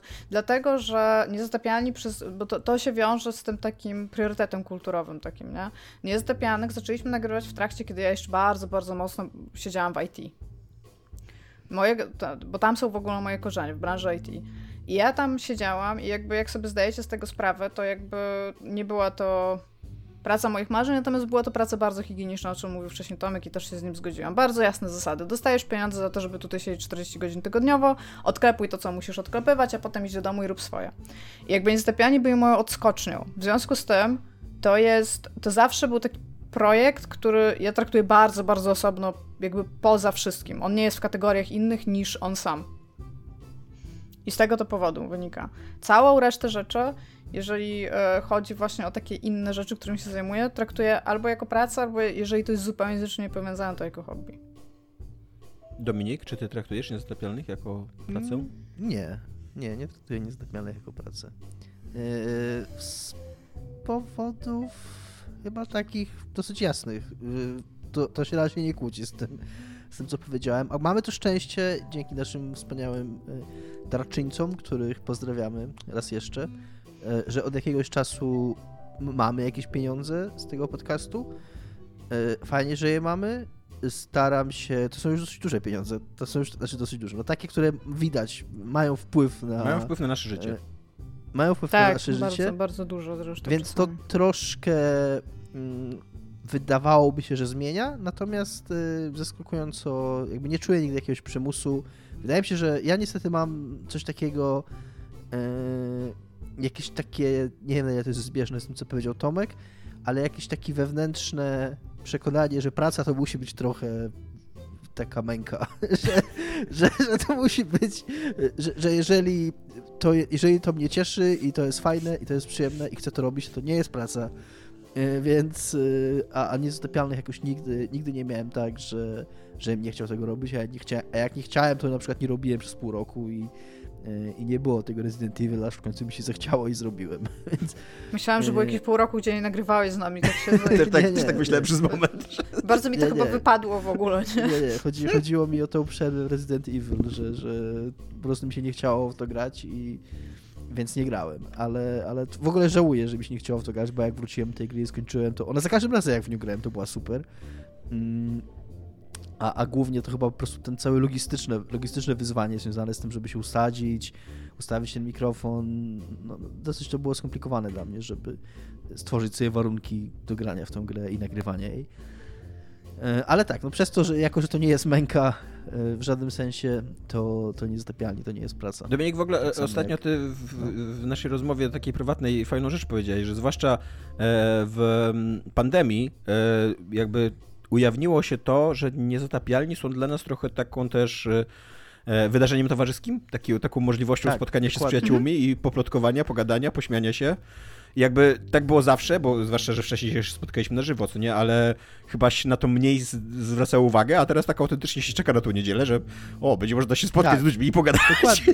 nie dokładnie. siedzieć w domu. I, jest i, w, I wbrew pozorom właśnie ten taki rygor, że mamy, że musimy, to, znaczy w cudzysłowie musimy, ale że mamy tą konkretną godzinę, której się trzymamy, że to będzie zawsze niedziela, zawsze to jest 12, e, to, to Jezu, to teraz wszyscy się dowiedzą, że nie jesteśmy na sumie, a dzięki Dominik. to jest fajne, to jest fajne właśnie, bo tak e, teoretycznie zawsze możemy do siebie zadzwonić i sobie pogadać prywatnie, ale ludzie tego raczej nie robią, e, a nawet jeżeli to robią, to, mm, to łatwo jakby wypaść z tego, tego zrezygnować, rytmu, wypaść no. z tego, zapomnieć jeden raz, drugi, mieć co innego na głowie i ten. A tutaj przez to, że jednak ten rygor jest, to fajnie, że, że możemy sobie posiedzieć, pogadać, więc tak, więc też dlatego nie jest to praca. Totalnie potwierdzam, że taki rygor ciężko utrzymać, bo na początku pandemii dałem sobie taki przykaz, żeby dzwonić raz w tygodniu do babci, żeby babcia moja, która i tak jest dosyć samotną osobą, bo jej mąż już nie żyje, żeby przynajmniej miała jakiś taki kontakt ze mną w pandemii. I tak, i trudno jest utrzymać taki rygor. Jakby. Jest na początku propos, dzwoniłem propos... co tydzień, później co dwa tygodnie, teraz dzwonię jak sobie przypomnę i jestem bardzo rozczarowany sam sobą. A propos babci, czytałem taką fajną, fajne, mm, fajną myśl na temat Wordle, że Wordle jest właśnie takim fajnym sposobem na utrzymywanie kontaktu może to bardziej w świecie zagranicznym, anglojęzycznym, no bo ty raczej babci swojego Wordla nie będziesz podsyłał, ale ktoś tak właśnie... Ale jest literalnie, taki, aha, jest po polsku taki, też. Okej, okay, okej, okay, bo był taki artykuł, że tam e, czyjaś właśnie babcia czy, czy matka e, została uratowana, bo tam chyba była jakąś zakładniczką, czy ktoś się włamał do niej i została uratowana właśnie dzięki temu, że nie odpowiedziała na Wordle, więc ktoś się jakby zainteresował, że czemu ona nie odpowiada na to Wordle i tam zaczęli jej szukać, nie? E, i że właśnie Wordle zastąpił taki, że, że jakby e, jest takie bardziej naturalne wysłanie babci codziennie nowego Wordle niż taki, to było, zostało, zostało nazwane Are You Still Alive Phone, że, że takie, że właśnie zamiast dzwonić, skontrolować, czy, czy jakiś tam starszy, bliski jeszcze żyje, to właśnie to taki, taki check-in dzienny Mm, jakby, że tą rolę fajnie Wordle spełnia. Taka dygresja tylko mi się przypomniała. Dobra, i kończąc temat y, pracy, jeszcze jedno pytanie. Jak y, ważne są dla was pieniądze w pracy? Iga. Pieniądze, pieniądze, pieniądze. No dopóki mam z czego żyć i tam ja, ja mało jem, nie kupuję sobie ostatnio jakoś nie wiadomo ilu rzeczy, ale takie, żeby po prostu, jeżeli ja będę mogła jeść, gdzieś mieszkać i to nie musi być jakiś wypas miejsce, żeby pies mógł jeść, to a na przykład robię coś, co mnie strasznie jara, to jakby tyle mi wystarczy, nie muszę na tym nie wiadomo ile zarabiać. A jak Jestem oceniasz... tutaj for the ride, a nie for, for the... Właśnie jak oceniasz, że tak, wiesz, na bardzo ogólnym poziomie, bez wchodzenia w szczegóły, zarobki w game devie? Bardzo niskie. Ja jestem z IT. Jak mówiłam, byłam na bardzo wysokiej pozycji e, pozycji, na wysokim stanowisku byłam, jakby zanim przyszłam do game devu. Są nie, nie da się nawet porównywać zarobków IT i game devu. Aczkolwiek mam wrażenie teraz, e, że, że są wyższe. Po prostu i to takie nie, że inflacja wyższa, tylko że teraz po prostu są wyższe, ale też przez to, ile ja zdążyłam przez te ostatnie prawie 5 lat zrobić kursów, e, zrobić właśnie jakiś tam swoich własnych tam małych projekcików, nauczyć się silnika, jeszcze go nie umiem idealnie, no ale coraz lepiej. A no zrobić sobie takie portfolio przez te kursy i wszystko, co z tego wynika, e, no to też pewnie jestem po prostu jakby bardziej chcianym pracownikiem, więc może to stąd, ale też wiem, że te widełki jednak z roku na rok raczej robią się większe. No ale mówię, y, jakby trzeba się samo kształcić, kurde, game po prostu z, roku na rok trzeba chodzić, robić certyfikaty, robić kursy i robić samo, sobie samemu własne portfolio, bo nie widzę, jak to by miało działać inaczej po prostu. Dominik? Chyba, żeby centralnie co rok wydawać grę, albo co pół roku i sobie ją pokazywać, nie? Ale to, to jest bardzo krakowane przedsięwzięcie. Jak ważne są dla Ciebie pieniądze w pracy? Dość ważne. nie wiem, nie za bardzo wiem, jak rozumieć to pytanie. Znaczy, ja absolutnie nie mam mm, czegoś takiego yy, też, żeby myśleć o. żeby w ogóle mieć jakiś taki. jakąś taką. Mm, nie wiem, jakiś taki dylemat pomiędzy pracą, która, w której się realizuję i pracą, dzięki której mogę żyć. Ja jednak traktuję pracę jako coś, dzięki czemu mogę żyć. I jeżeli miałbym, jeżeli mam się realizować, to wolę się realizować po pracy albo w jakichś takich dodatkowych y, małych fuszkach, jakichś tam y, zleconkach dla poligami, czy właśnie podcaście, czy jakichś tam rzeczach, które, które robię gdzieś tam na boku. A jednak y, kiedy myślę o pracy, to myślę o czymś, co dzięki czemu się utrzymuję i obcym jest takie E, takie myślenie, takie w ogóle myślenie o pracy jako o, miejscu, gdzie się będę realizował. Nawet, nawet chyba nie chciał takiej pracy, szczerze mówiąc, takiej... Nie, nawet nie powiedziałam, że w sensie... będę się realizować, tylko jeżeli ten, to, co wykonuję jest na tyle spoko, czyli na przykład, wiesz, jeżeli bym miała pracować nad lekiem na raka, ale bym zarobiła na nim prawie nic, to tak, chcę to robić. Spoko, Iga. Nie wiem, czy zauważyłaś, ale są nieważne. nie, nie robię leku na raka, nie? Nie chcę być złośliwy, nie będę złośliwy, więc po co? Nie ma, nie ma to sensu. Nie, nie, I też nie chcę mówić, że tam jakoś cierpię w swojej obecnej pracy, czy się, w niej, czy się w niej jakoś tam nie realizuję, bo też nie o to chodzi. Tylko, że jednak praca jest dla mnie, kiedy myślę o pracy, to jest to po prostu dla mnie środek do celu, którym jest przeżycie i zaspokojenie potrzeb swoich i być może nie tylko swoich, e, a nie, a nie miejsce, gdzie tam ma być mi fajnie i, i, i mam tam, wiecie, nie wiem, poświęcać na to więcej czasu. Być może też mm, jakby nie chciałbym mieć takiej, o, powiem tak, yy, nie chciałbym mieć pracy, która, którą tak wierzę i która tak mnie pochłania, że przeznaczam na nią więcej czasu niż powinienem.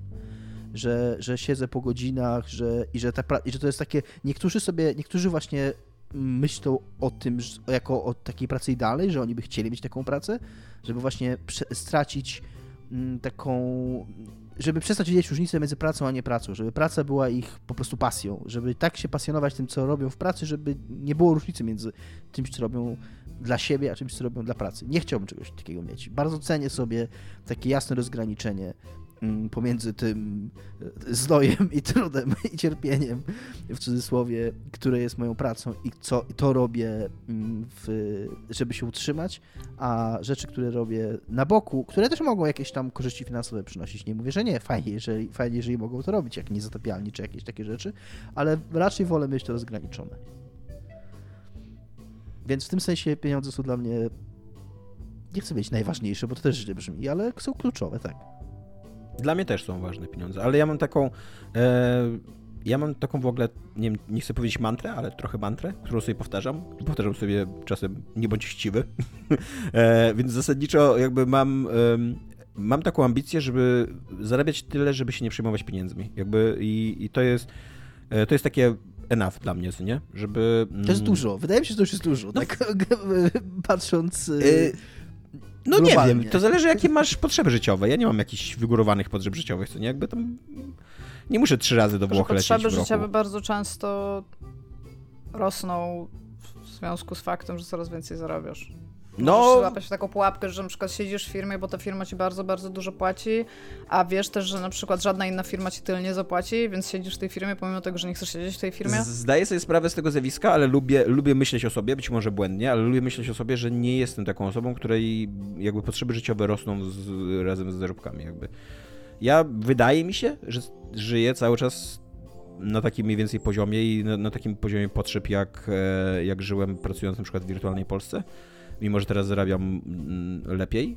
E, I jakby o to mi chodzi, co nie, jeżeli mówię nie przejmować się pieniędzmi. To nie, to nie chodzi o to, że jeżeli będę chciał tam, nie wiem, kupić sobie biżuterię drogą, to po prostu wejdę i nie będę patrzył na ceny, co nie? E, ale ta, na takim poziomie, że na przykład nie będę się przejmował zakupami spożywczymi, co nie? Jakby, że nie będę o tym myślał, że nie będę się zastanawiał, kurde, ile dostanę rachunku za prąd, który które są straszne rachunki za prąd teraz, no. Jakby teraz się zastanawiam, a chciałbym mieć taką sytuację życiową, że, żeby się nie zastanawiać i na, pod tym względem są dla mnie ważne pieniądze, ale mam tak jak Iga, że totalnie jestem w stanie pracować za gorsze pieniądze, jeżeli projekt jest, jeżeli robota jest bardziej interesująca i, i robię tam coś, co jest dla coś mnie... Coś dobrego na przykład. Tak. Nie? Albo coś dobrego, albo coś, co spełnia właśnie moje ambicje, jest dla mnie jakimś takim e, natchnieniem, czy coś takiego, co nie? Więc e, no... Też myślę, że jakbym jakbym pozostał na takiej ścieżce korpo kariery, to dzisiaj bym zarabiał więcej niż w game devie. Tak, tak mi się wydaje. Na pewno byłaby to dużo bardziej stabilna praca też. E, ale jednak nigdy, nigdy nie myślę, że jakby odejście ze ścieżki korporacyjnej było złym wyborem życiowym. Jakby nigdy mi to do głowy nie przyszło. E, bo, no, bo lubię robić rzeczy, które lubię robić w pracy. Iga, co jest grane u ciebie? A ja też od razu przeproszę, bo jakby ja mam teraz słuchawki, mam pies dostał zabawkę i sobie ciamka z tyłu, więc mam nadzieję, że to się nie będzie prze, przebijać.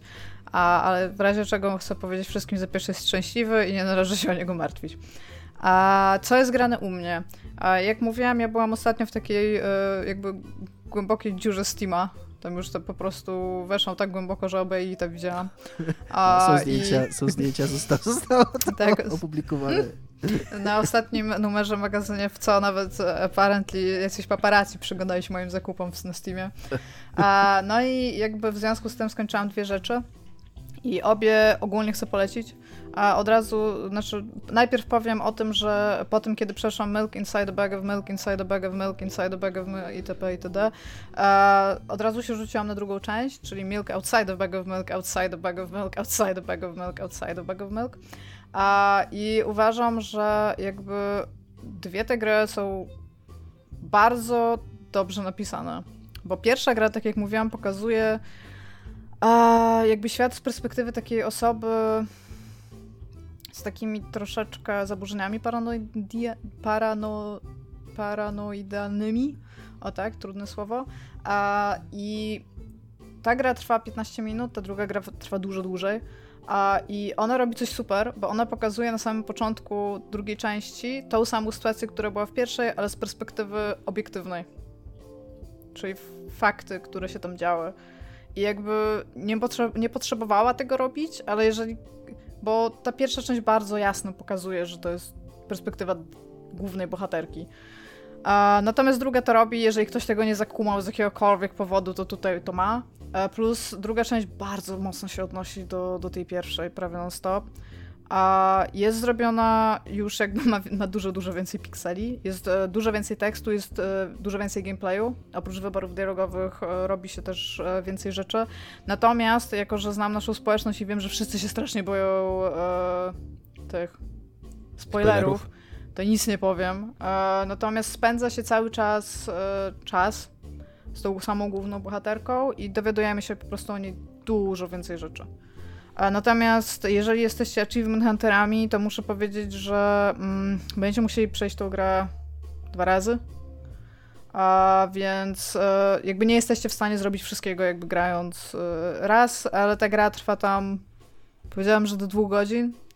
Natomiast musiałam a, przerywać granie w nią ze względu na to, że zaczęłam w nią grać, no tam z personalnych powodów musiałam jakby ograć ki- przeszłam w jeden dzień, natomiast kilka przerw musiałam zrobić, więc trudno jest mi po prostu określić, ile mi to zajęło w sumie. I teraz tak, oprócz tego, czyli tutaj dwie rzeczy wciąż polecam Milk Inside a Bag of Milk i wciąż, i teraz polecam Milk Outside a Bag of Milk. E, przeszłam też troszeczkę takich więcej mniejszych gier, o których nie będę mówić, ale między innymi ściągnęłam też sobie w końcu Midnight Subway. I ta gra jest zrobiona... To jest, to jest praktycznie horror dla dzieci. Jeżeli chcecie, żeby wasze dzieci lubiły horrory, to pokażcie im tę grę po prostu. Ona jest... Ona nie ma jumpscarów ani niczego takiego, ale to jest horror. To gatunkowo jest horror, ale jest tak fucking cute. Trochę jak Czy Bulb Subway Boy. Midnight. Subway... Nie, Midnight Subway. Na Subway No Midnight. to może, sobie, może Subway... Bo ona ma... To, ta nazwa jest głupia, ona jest niegramatyczna, ale no okej, no Subway Midnight. E, To jest gra fabularnie, która mówi o tym, że... Znaczy ona mówi bez słów, bo tam nie pada żadne słowo, tam jest wszystko na gestach i dźwiękach. A, I to jest gra 3D, natomiast wszystko, co jest ważne, jest sprite'em e, i jest tak animowany i rysowany, że trochę przychodzi e, styl e, Double Fine i Psychonautów, jakby tych 2D asetów e, do głowy. I teraz e, to jest gra o tym, że w metrze giną dzieciaki. Nie powiem, że dzieci, bo to nie wszystkie są dzieci, to są takie dzieciaki tam.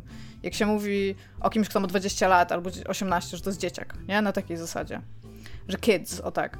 Ale też są, też są dzieci po prostu. I one giną w metrze. I jakby główna bohaterka e, przychodzi tam z takim zamiarem troszeczkę w cudzysłowie odnalezienia ich ale że to jest po północy, to jako, że metro jest przestrzenią liminalną, przestrzenią pomiędzy, to tam się zaczynają dziać dziwne rzeczy. I jakby całym gameplayem, tak bardzo w fundamencie, jest cały czas przechodzenie do przodu przez kolejne e, wagony metra, natomiast one się od siebie różnią, pojawiają się tam zagadki i jakby znalezienie każdego poszczególnego dzieciaka, który zaginął, to jest osobny rozdział z trochę osobnymi pomysłami na to, w jaki sposób można robić rzeczy.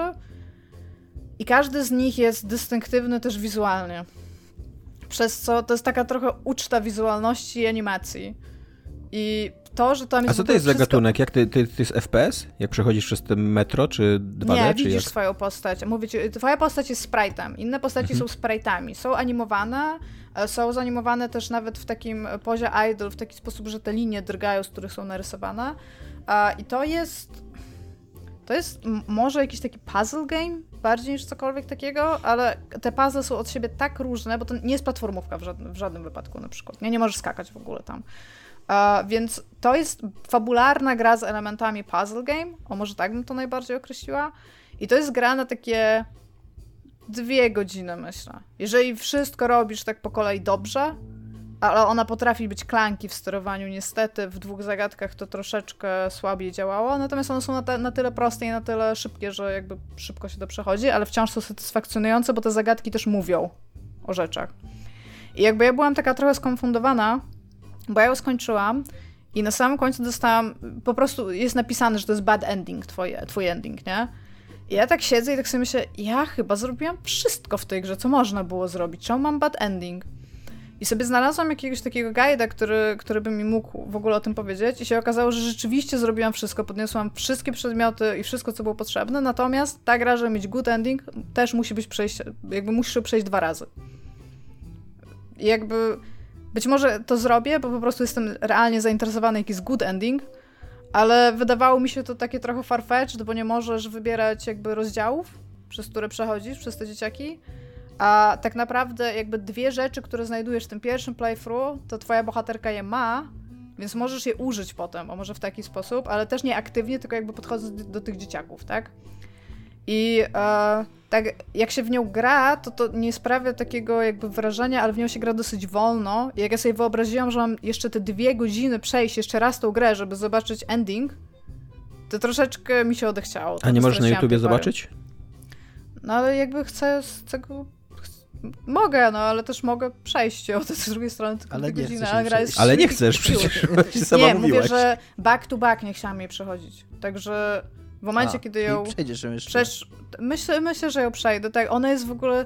To, co jest w niej super, to jest jej wizualia. Ona, ona idzie w miejsce. Ona, ona naprawdę bawi się tymi rzeczami. Plus jest po prostu fenomenalnie cute. No po prostu jest tak śliczna, że, że naprawdę bardzo ją polecam. A plus na dwie godzinki, plus można grać z dziećmi. Nie widzę żadne, żadnego przeciwwskazania, żeby nie dało się w to grać z dziećmi. Nie ma, nie ma tam krwi ani niczego takiego, nie ma jakiegoś takiego rodzaju brutalności. Okej, są dzieciaki, które zaginęły, ale jakby.